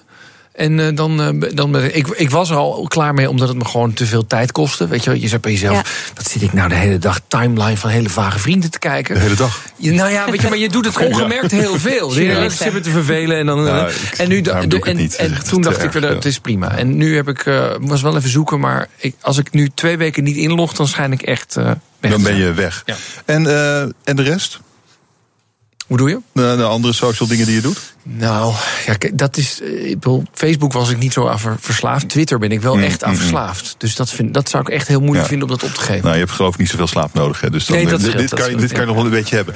Die, eh, de, oh, terug naar Europa en wat Europa zegt over Facebook en die hele zaak. Ja. De president van de EU, Donald Tusk, die zegt de Europese en de nationale wetgeving moet worden gerespecteerd en worden gehandhaafd. En vooral dat laatste vind ik interessant. Hoe kun je dat handhaven? Wat kan Europa doen tegen Facebook? Grote boetes uitdelen? Hebben ze al een paar keer gedaan. Dat kan. Ja. Eh, En ik denk ook dat de overheid. Kijk, die, die, die techbedrijven die trekken alle talenten aan. Die hebben alle knapste koppen die de maas in de wet kunnen vinden. En de politiek die loopt daar gewoon op achter. Dus die Nou. kan in, in een wetgeving denk ik niet helemaal meekomen. Ik denk dat, maar ik denk dat daar wel het een en ander gaat veranderen met de. Algemene Verordening Gegevensbescherming, de GDPR. Gaat eind mei gaat die daadwerkelijk. eh, zo, ja, hij is al van kracht, maar hij wordt ook nageleefd. Hè, er, wordt, er wordt streng op toegezien.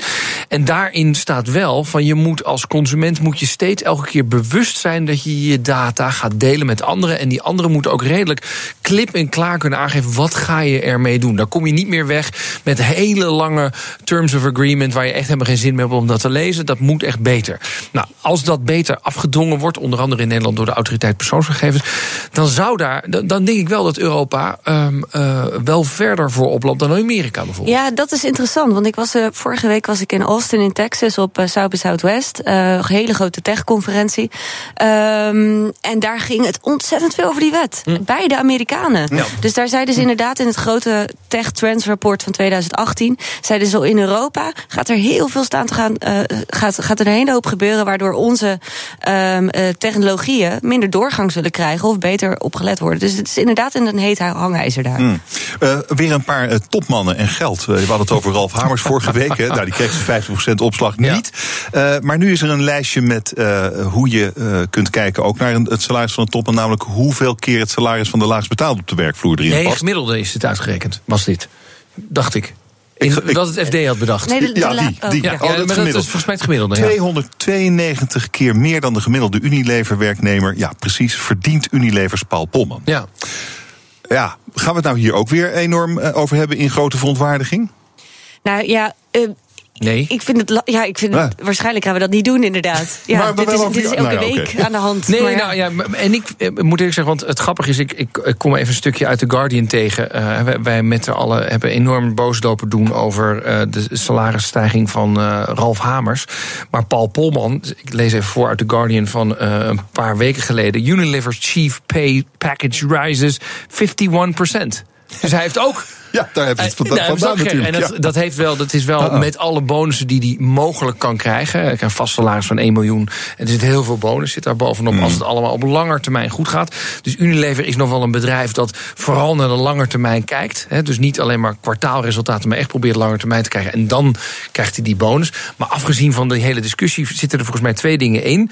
Bij mij persoonlijk één ik heb een beetje moeite om als overheid iets te vinden van eh, eh, het, het salaris dat je de topman wil uitbetalen. Dus dat is de ene kant van de medaille. Aan de andere kant denk ik, ja, hoe krijg je het op?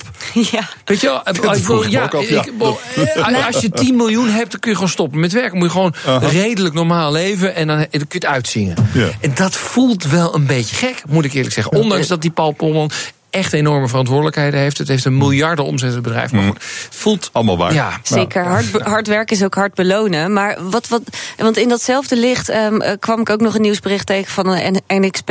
Topman die inderdaad eh, met de aandelen er vandoor is. En, Nou ja, met Ja. de aandelen zijn eigen Ja, sorry. Maar in ieder geval, nee. Opties, opties had hij. Juist, juist. Het is, het is van hem. En- dingen door elkaar halen. Ja, oké, correctie. Ik hoor hem.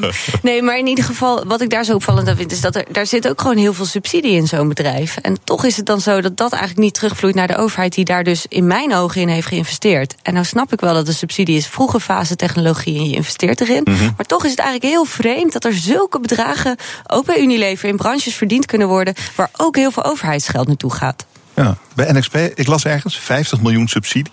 Ja. Klopt, klopt dat? Ja. Ja, ja, dat is die uh, Ja, je dus daar zit inderdaad heel veel onderzoek wat- achter. wat zou je dan vinden? Ja, maar weet je, dit is allemaal hartstikke leuk, maar dit valt niet. Dit moet je gewoon. Dit is collateral damage. Kijk, ik wil, eh, laat ik zo zeggen, die opties. Het was een crazy ass bedrag wat die man meekreeg. 365 miljoen ook euro. dat krijg je dus niet op. weet je. 365. Dan, heb je, Nee. dan- ga je voor de vijf, komende vijf generaties. zijn al je kinderen klaar met werken. Dat slaat nergens op. Maar En je af- geeft ze allemaal een jacht. Nee, ik bedoel, ik bedoel, d- dat geef ik allemaal toe. Maar om dan te zeggen, nou, laten we dan de subsidies terug gaan krijgen... dan moet je dus gaan doorrekenen... Nee, nee, nee, nee. wat is de impact van NXP Oh. op de Nederlandse samenleving. Eh, eh, weet je wel, dat heeft ook Mhm. heel veel banen opgeleverd. Daar kunnen we ook van profiteren. Dus dat, het wordt zo moeilijk, wordt het daarvan. Ja, ik snap dat het moeilijk wordt. Natuurlijk is subsidie juist bedoeld voor dat risicovolle werk dat, dat, dat zij doen. Eh, hartstikke logisch. Maar eigenlijk, ik, toch blijft het een beetje bizar. In andere landen doen dit meer. Een overheid kan subsidie geven. Eh, er staat vaak een cofinanciering tegenover. Of kan een lening leveren. Maar je ziet heel weinig in investering. Ja. En als je nou meer naar zo'n. Vroeg al naar zo'n mag niet, hè? constructie kijkt. We hebben, we hebben dat bedacht. Volgens mij is dat Ja. de jaren eh, de 70, 80 hebben wij, eh, Klopt. mochten, mochten wij, mogen wij niet meer investeren in eh, duikboten en dat soort dingen. En dus kunnen we er ook niet van profiteren. Ja. Zometeen in de kantine. Ondernemers voelen zich in de steek gelaten door het kabinet. Ze eisen actie. BNR Nieuwsradio. Je luistert naar de kantine. We hebben het over het nieuws van de dag. Gaat Jurgen Rijman straks ook doen. Jurgen, waar ga je het over hebben? Eh, ik heb het over een heel luchtig onderwerp voor de vrijdag zenuwgas. Ehm, Wel heerlijk. ja, toch? Ja, dat ze toch bezig Niet zijn. inhaleren. Niet inhaleren. I did not inhale. Oké, volgende. Maar het is wel luchtig, ik bedoel, laten we dat eerlijk op zijn. Eh, het, het gaat vooral om een voormalige Russische agent, eh Skripal en zijn dochter natuurlijk, op wie de aanslag is gepleegd. Maar ja, hoe zit het dan met zenuwgas? Hoeveel soorten zijn er? Want eh, dat was een soort Novichok, wat, eh, wat, wat dat voor het eerst naar buiten is gekomen. Een soort Russisch ontwikkeld zenuwgas, zegt men. Maar ja, eh, ik bedoel, in het Westen hebben we volgens mij VX heet dat. Er is ook een ander soort zenuwgas wat gebruikt wordt. En dat is bijvoorbeeld gebruikt voor de aanslag op de broer van Kim Jong-un. Kim Jong-un in eh, Maleisië was dat, dat, dat gebeurd is. Dus het, het gebeurt heel veel. Is het in die spionnenwereld normaal om zo elkaar om te leggen met zenuwgas? Wordt het als, net als een kernwapen ook als een soort van politiek wapen gezien om alleen maar af te schrikken? Of wordt het ook daadwerkelijk ingezet? Je kan echt alles, maar dan ook alles vragen over zenuwgas. Ik vind het bijvoorbeeld ook heel raar dat je voor bijna elk zenuwgas, zelfs sarin en zo, kan je gewoon de voor complete formule op het internet vinden. Dus eh, als je een beetje handig bent met een laboratorium thuis, zou je in principe dat ook kunnen maken. Of is het toch wat moeilijker? Allemaal vragen die je kan stellen in Ask Me Anything. Je vragen kan je natuurlijk weer stellen via Facebook, via Twitter, BNR. Je mag mee voor WhatsApp, het nummer staat op bnr.nl. Of je kan mailen naar askme.bnr.nl. Maar het leukste, Roelof. Bellen. 020 468 400 En stel je vraag gewoon live in de uitzending. Het wordt, ik krijg nu al de zenuwen. Ja, dankjewel, Jurgen. Veel plezier met je zenuwgas. Wij gaan door met de kantine. Rens de Jongens hier, presentator-eigenaar van Busmaster. En Anna van Nuenen, zij is directeur van Innovest. Een bedrijf, een stichting geloof ik. hè? Stichting toch, dat eh, jullie inderdaad. testen innovaties op festivals. Toch wel een heerlijk beroep Ja, eigenlijk. is lijkt me. echt gek. Ehm, eh, over die overheid die ondernemers dwars zit. Ja. Eh, we hadden een, eh, een- een lijstje prominente ondernemers, ondernemersverenigingen, die een brief schreven aan de premier. Leendert Jan Visser ga je horen van MKB Nederland. Het kabinet heeft aangegeven, wij willen een ondernemersvriendelijk kabinet zijn. Want dat is goed voor Nederland. Eh, maar dat gebeurt niet. En we hebben die lastenverlichting aan ruimte om te ondernemen hard nodig. Dus kabinet, maak waar wat je zegt. Eh, laat dat ook voor het komende jaar dan zien. Ja, beetje mosterd naar de maaltijd, dacht ik. Wat vind jij? Ja, maar goed, ja, ja je denkt eh, dat zou je eigenlijk tijdens de kabinetsformatie moeten sturen. En niet als alles al beklonken is. Ja, waar, waar, ze, waar ze problemen mee hebben is. eh er komt een eh 15% verhoging op de belasting voor directeuren, groot aandeelhouders. En het verhaal is dan. Ja, dat, dat levert dan zo'n 7 miljard euro minder eh, besteedbaar geld voor ondernemingen in. Ja, eh, kijk, als je alles maal het aantal ondernemers doet, dan wordt alles meteen al in miljarden gerekend. Eh, en voor de rest zeggen ze van ja, ehm, eh, bij gemeentes zijn ondernemers ook vaak de melkkoe, omdat de OZB-tarieven de afgelopen jaren omhoog gingen bij lokale ondernemers. Burgers hebben minder betaald, ondernemers hebben meer betaald, dus wij zijn de melkkoe. Ik had een beetje moeilijk inschatten. Ja, ik denk altijd met belasting, het is altijd vervelend om te betalen, maar het is een, een, een, een, een eh, hoe zeg je dat, contributie voor een redelijk fijn land. En de rest heb ik er niet heel veel beeld op of dit nou echt schrikbarend is of niet. Ik weet ook niet of de premier erg onder de indruk zal zijn van deze brief. Nou, hm. Laten we het hebben over eh, weer een eh, playmate en, die iets heeft gehad met Donald Trump. Ja. Karen McDougall heet ze. Er waren schijnbaar al vermoedens. Nu heeft ze een uitgebreid interview gegeven en daarin doet ze een aantal onthullingen. Je hoort hier dat interview. Eerst interviewer Anderson Cooper van CNN. What, what happened after you had been intimate? Well, after we had been intimate, he he tried to pay me, and I actually didn't know how to take that. Did he actually try to hand you money? He did. maar dat maakt het het meest trieste. dat is interessant. Kijk, want in principe heeft dit voor, de, voor Trump geen implicaties. Het is niet in die Oval Office gebeurd. Het is niet gebeurd terwijl die uh, kandidaat was. Het is Het was 2006. Toen, ja, toen zijn vrouw zwanger was van Tuurlijk, zijn maar, goed, dit is, maar in Nederland zouden we zeggen... het is een privézaak waar we niet over hoeven te rapporteren. Toch? Klopt, maar dat hij haar dan inderdaad Zeker. geld geeft. En zij willen het helemaal niet. zo sneu, weet je wel. Voor mij was het liefde. Ja, maar, dat maakt het, maar die man kan dus dat niet inschatten en denkt, ja, ik zal er maar wat geld moeten. Ah, dat, Ik ben het gewend. De Ik man ben het met de gewend, kleine zegt- handen. en oh. ah, dat, Ah, goed, daar ja. zit ik toch een beetje van te smullen. Man Ja. met de kleine handen. Eh, ik, ik, ik, ik dacht ook arme Melania. Ja, arme. Melania. Het is de tweede Jezus. keer dat dit tijdens haar eh, relatie met Trump eh, zo naar voren komt. Eh, het zal misschien ook wel weer niet de laatste keer zijn. En ze heeft zich al zo teruggetrokken als eh, eh, First Lady. Ai. Ja. Ja, maar als pijnlijk. Trump ooit eh, klaar is met eh, het presidentschap, dan is Melania denk ik ook wel klaar met Trump. Denk Zouden zij verstandshuwelijk hebben nu? Ja, Wat, ja. wat denk, wat denk jij? veel meer. Nou, mijn educated guess. Ehm, eh, we hebben een groene adviseur eh, in ons land erbij, Diederik Samson. Die was al behoorlijk eh, groen. Eh, die heeft nu van het kabinet de opdracht gekregen ervoor te gaan zorgen dat er in 2030 2 miljoen Nederlandse huizen van het gas af zijn. Heel goed. Ja, ja het, is, het is supergoed inderdaad. 2030, dat is over 12 jaar. Ja. 2 miljoen huizen. Dat is echt een enorme opdracht. En, en Samsung heeft het al wel eens eerder moeilijk gehad natuurlijk. Ehm, dus ik dacht, oh wauw, wat dat hij dit weer op zich durft te nemen... vind ik eigenlijk wel ballen, want het is niet niks om Nee. dit te moeten Mhm. regelen. En als, ik ben een geboren Groningse, dus dit denk ik wel echt Ja? yes. Ga Ah. ervoor, ja. Oké, van het gas af. Ja, precies. Ja. Kom je ook uit het aardgasbevings, aardbevingsgebied? Ik dacht van niet, maar mijn oudershuis, wat ook mijn, eh, waar ik geboren ben ook, ehm, is recent, eh, heeft dat een claim gewonnen voor aardbevingsschade. Mm. Dus blijkbaar ga- reikt het tot aan de grenzen van de stad Groningen. Hm, Ja. Snel. En ben je nou zelf ook al van het gas af? Ik ben zelf nog niet van het gas af, sta te verhuizen en ben aan het kijken naar een warmtepomp. Ja, zeker. Oh, ja, cool. ja, practice what you preach. Gaat, gaat, ja, gaat Diederik Samson dit voor elkaar krijgen? Nou, ik heb even zitten rekenen. 2 miljoen huizen in 12 jaar. Als we in het weekend doorwerken, moeten we morgen beginnen. Dus ook op zaterdag werken. Dan moeten we 550 huizen per dag gaan doen. Nou. Kansloos. Ehm, ja, ik, ik, ik, ik, ik, ehm, dat klinkt heel kansloos. Ehm, ehm, vooral als je het huis bij huis gaat doen. Dat dat, ik zie dat dus niet gebeuren. En ik denk eh, dat wat er een aantal dingen moet gebeuren. En dat zie je, dat is ook het argument van Diederik Samson en ook van Bernard Wientjes, die de bouwagenda heeft. Die zegt: kijk nou wat er gebeurt op eh, wind op zee. Daar moesten we eerst behoorlijk subsidiëren. Daar hebben we best wel wat geld in moeten pompen om te kijken hoe, dat, hoe we dat nou moesten doen. Kwamen we achter dat die bladen gingen roesten en et cetera. Was allemaal heel erg lastig. Maar nu kun je wind op zee bouwen zonder subsidie en het is nog rendabel ook. Kortom, de leercurve zit daar heel snel in.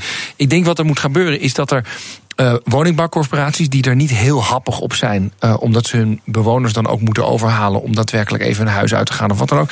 Maar goed, eh, ik denk dat dat de makkelijkste weg is. Testprojecten gaan doen. Dus jongens, laten we 50 huizen in één keer van het gas afkrijgen. Laten we kijken hoe dat gaat. Wat leren we hiervan?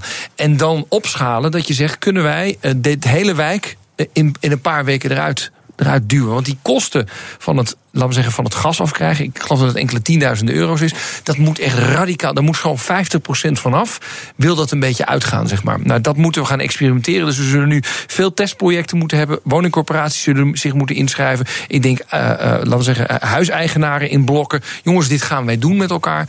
En dan kijken of je daarvan kunt leren en dan het, het, het versnellen. Ben jij al groen eigenlijk? Ik heb, ehm, Met je twee huizen? Ik heb. Dank je. Ehm, ik, ik heb net een offerte de deur uit voor eh, eh, eh. Ehm, en nu krijg ik hem bijna 0 op de meter. Op 0,15 wordt hij dan. Maar ik zit nog te kijken, dat is het probleem. Ik, heb, ik kan geen warmtepomp nemen. Dus dan moet ik eigenlijk een soort elektrische cv-ketel hebben. Dat schijnt wel te kunnen. Het schijnt wel een stuk duurder in energieverbruik weer te zijn. Dus dat ben ik nu aan het kijken. En anderen zeiden, je moet een pelletkachel nemen. Maar ik zag mezelf niet met houtpellets slepen door dat huis. Pellets, ja, je, weet, je weet dat het niet Ik vond dat ook niet helemaal. eh. Maar goed, dus ik, maar ik ben, wel, ik ben, er, eh, ben er wel mee. Ik vind inderdaad, ik ben met je eens, eh, practice what you you preach. en, uh, ik, ik zat nog wel te denken, als je uh, dat sommetje van jou, Rens, stel je alleen maar al voor, wie moet dat gaan doen eigenlijk? Ja, nee, ik, ik hoor. Welke aannemer heeft nu geen personeelstekort? Ja, joh, inderdaad. Er is ook ja, natuurlijk is ook nog een schreeuwend tekort op de bouw en, uh, en de aannemersmarkt. Zo. Ja, en, en, maar toch ook wel nog even als toevoeging. je hebt het heel erg over de woningcorporaties, grote blokken, huizen, nieuwe wijken.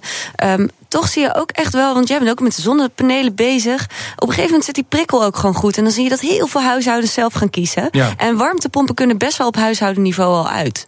Dus het is best wel een. Uh, mm -hmm. die ja, alleen het probleem, de, de argumentatie is altijd. Kijk, weet je wel, dat, dat elektriciteitsprobleem, dat gaan we wel oplossen. Ja. Dus eigenlijk is dat een no-brainer. Mm. Ja.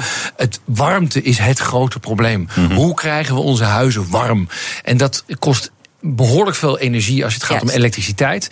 Daar is aardgas toch best wel handig, hè? hoog calorisch, heel fijn, et cetera. Nou, dat omgooien, dat, dat vergt gewoon echt behoorlijke investeringen. Je moet gaan nadenken over dat toen ze hier om de hoek heb je dat uh, Equinix heet dat volgens mij. Dat staat zo'n zo'n zo Stalinistische toren. En je denkt, waarom zit hier geen ramen in? Omdat er eigenlijk alleen maar computers in zitten. Ja, en, datacentrum, en, en, precies, oh, dat is zo'n datacentrum hier in de Watergaasmeer. Um, en dat verbruikt heel veel. En nu zijn er bewoners die zeggen, kunnen wij niet een pijpje door dat dijkje heen trekken en door onder het spoor door. Om bij de Jaap Edebaan in de buurt te kijken. Uh, kunnen wij niet van die warmte onze huizen opwarmen? Nou, dat soort projecten ja. gaat helemaal niet uit. Gaan we echt enorm veel shit van krijgen. Maar moeten we wel proberen als je, en dan hebben we het alleen nog maar, dan overscoren we niet eens het Parijsakkoord. Dan halen we mm -hmm. het alleen nog maar. En dat is eigenlijk al best een modest plan. Het is uh, tijd om de kantine dicht te gooien. Oh, Fijn dat jullie er waren. Anna van Nuenen, directeur van Innovest. En Rens de Jong, presentator, eigenaar van Busmaster. Dank jullie zeer. Dank Dit was het voor vandaag. Maandag ben ik er natuurlijk weer. Dan is Rianne Letchert mijn gast. Zij is rector magnificus van Maastricht University. En zij is de jongste vrouwelijke rector van een Nederlandse universiteit. Dat maandag. Nu Jurgen Ruijman met Ask Me Anything. Fijn weekend alvast.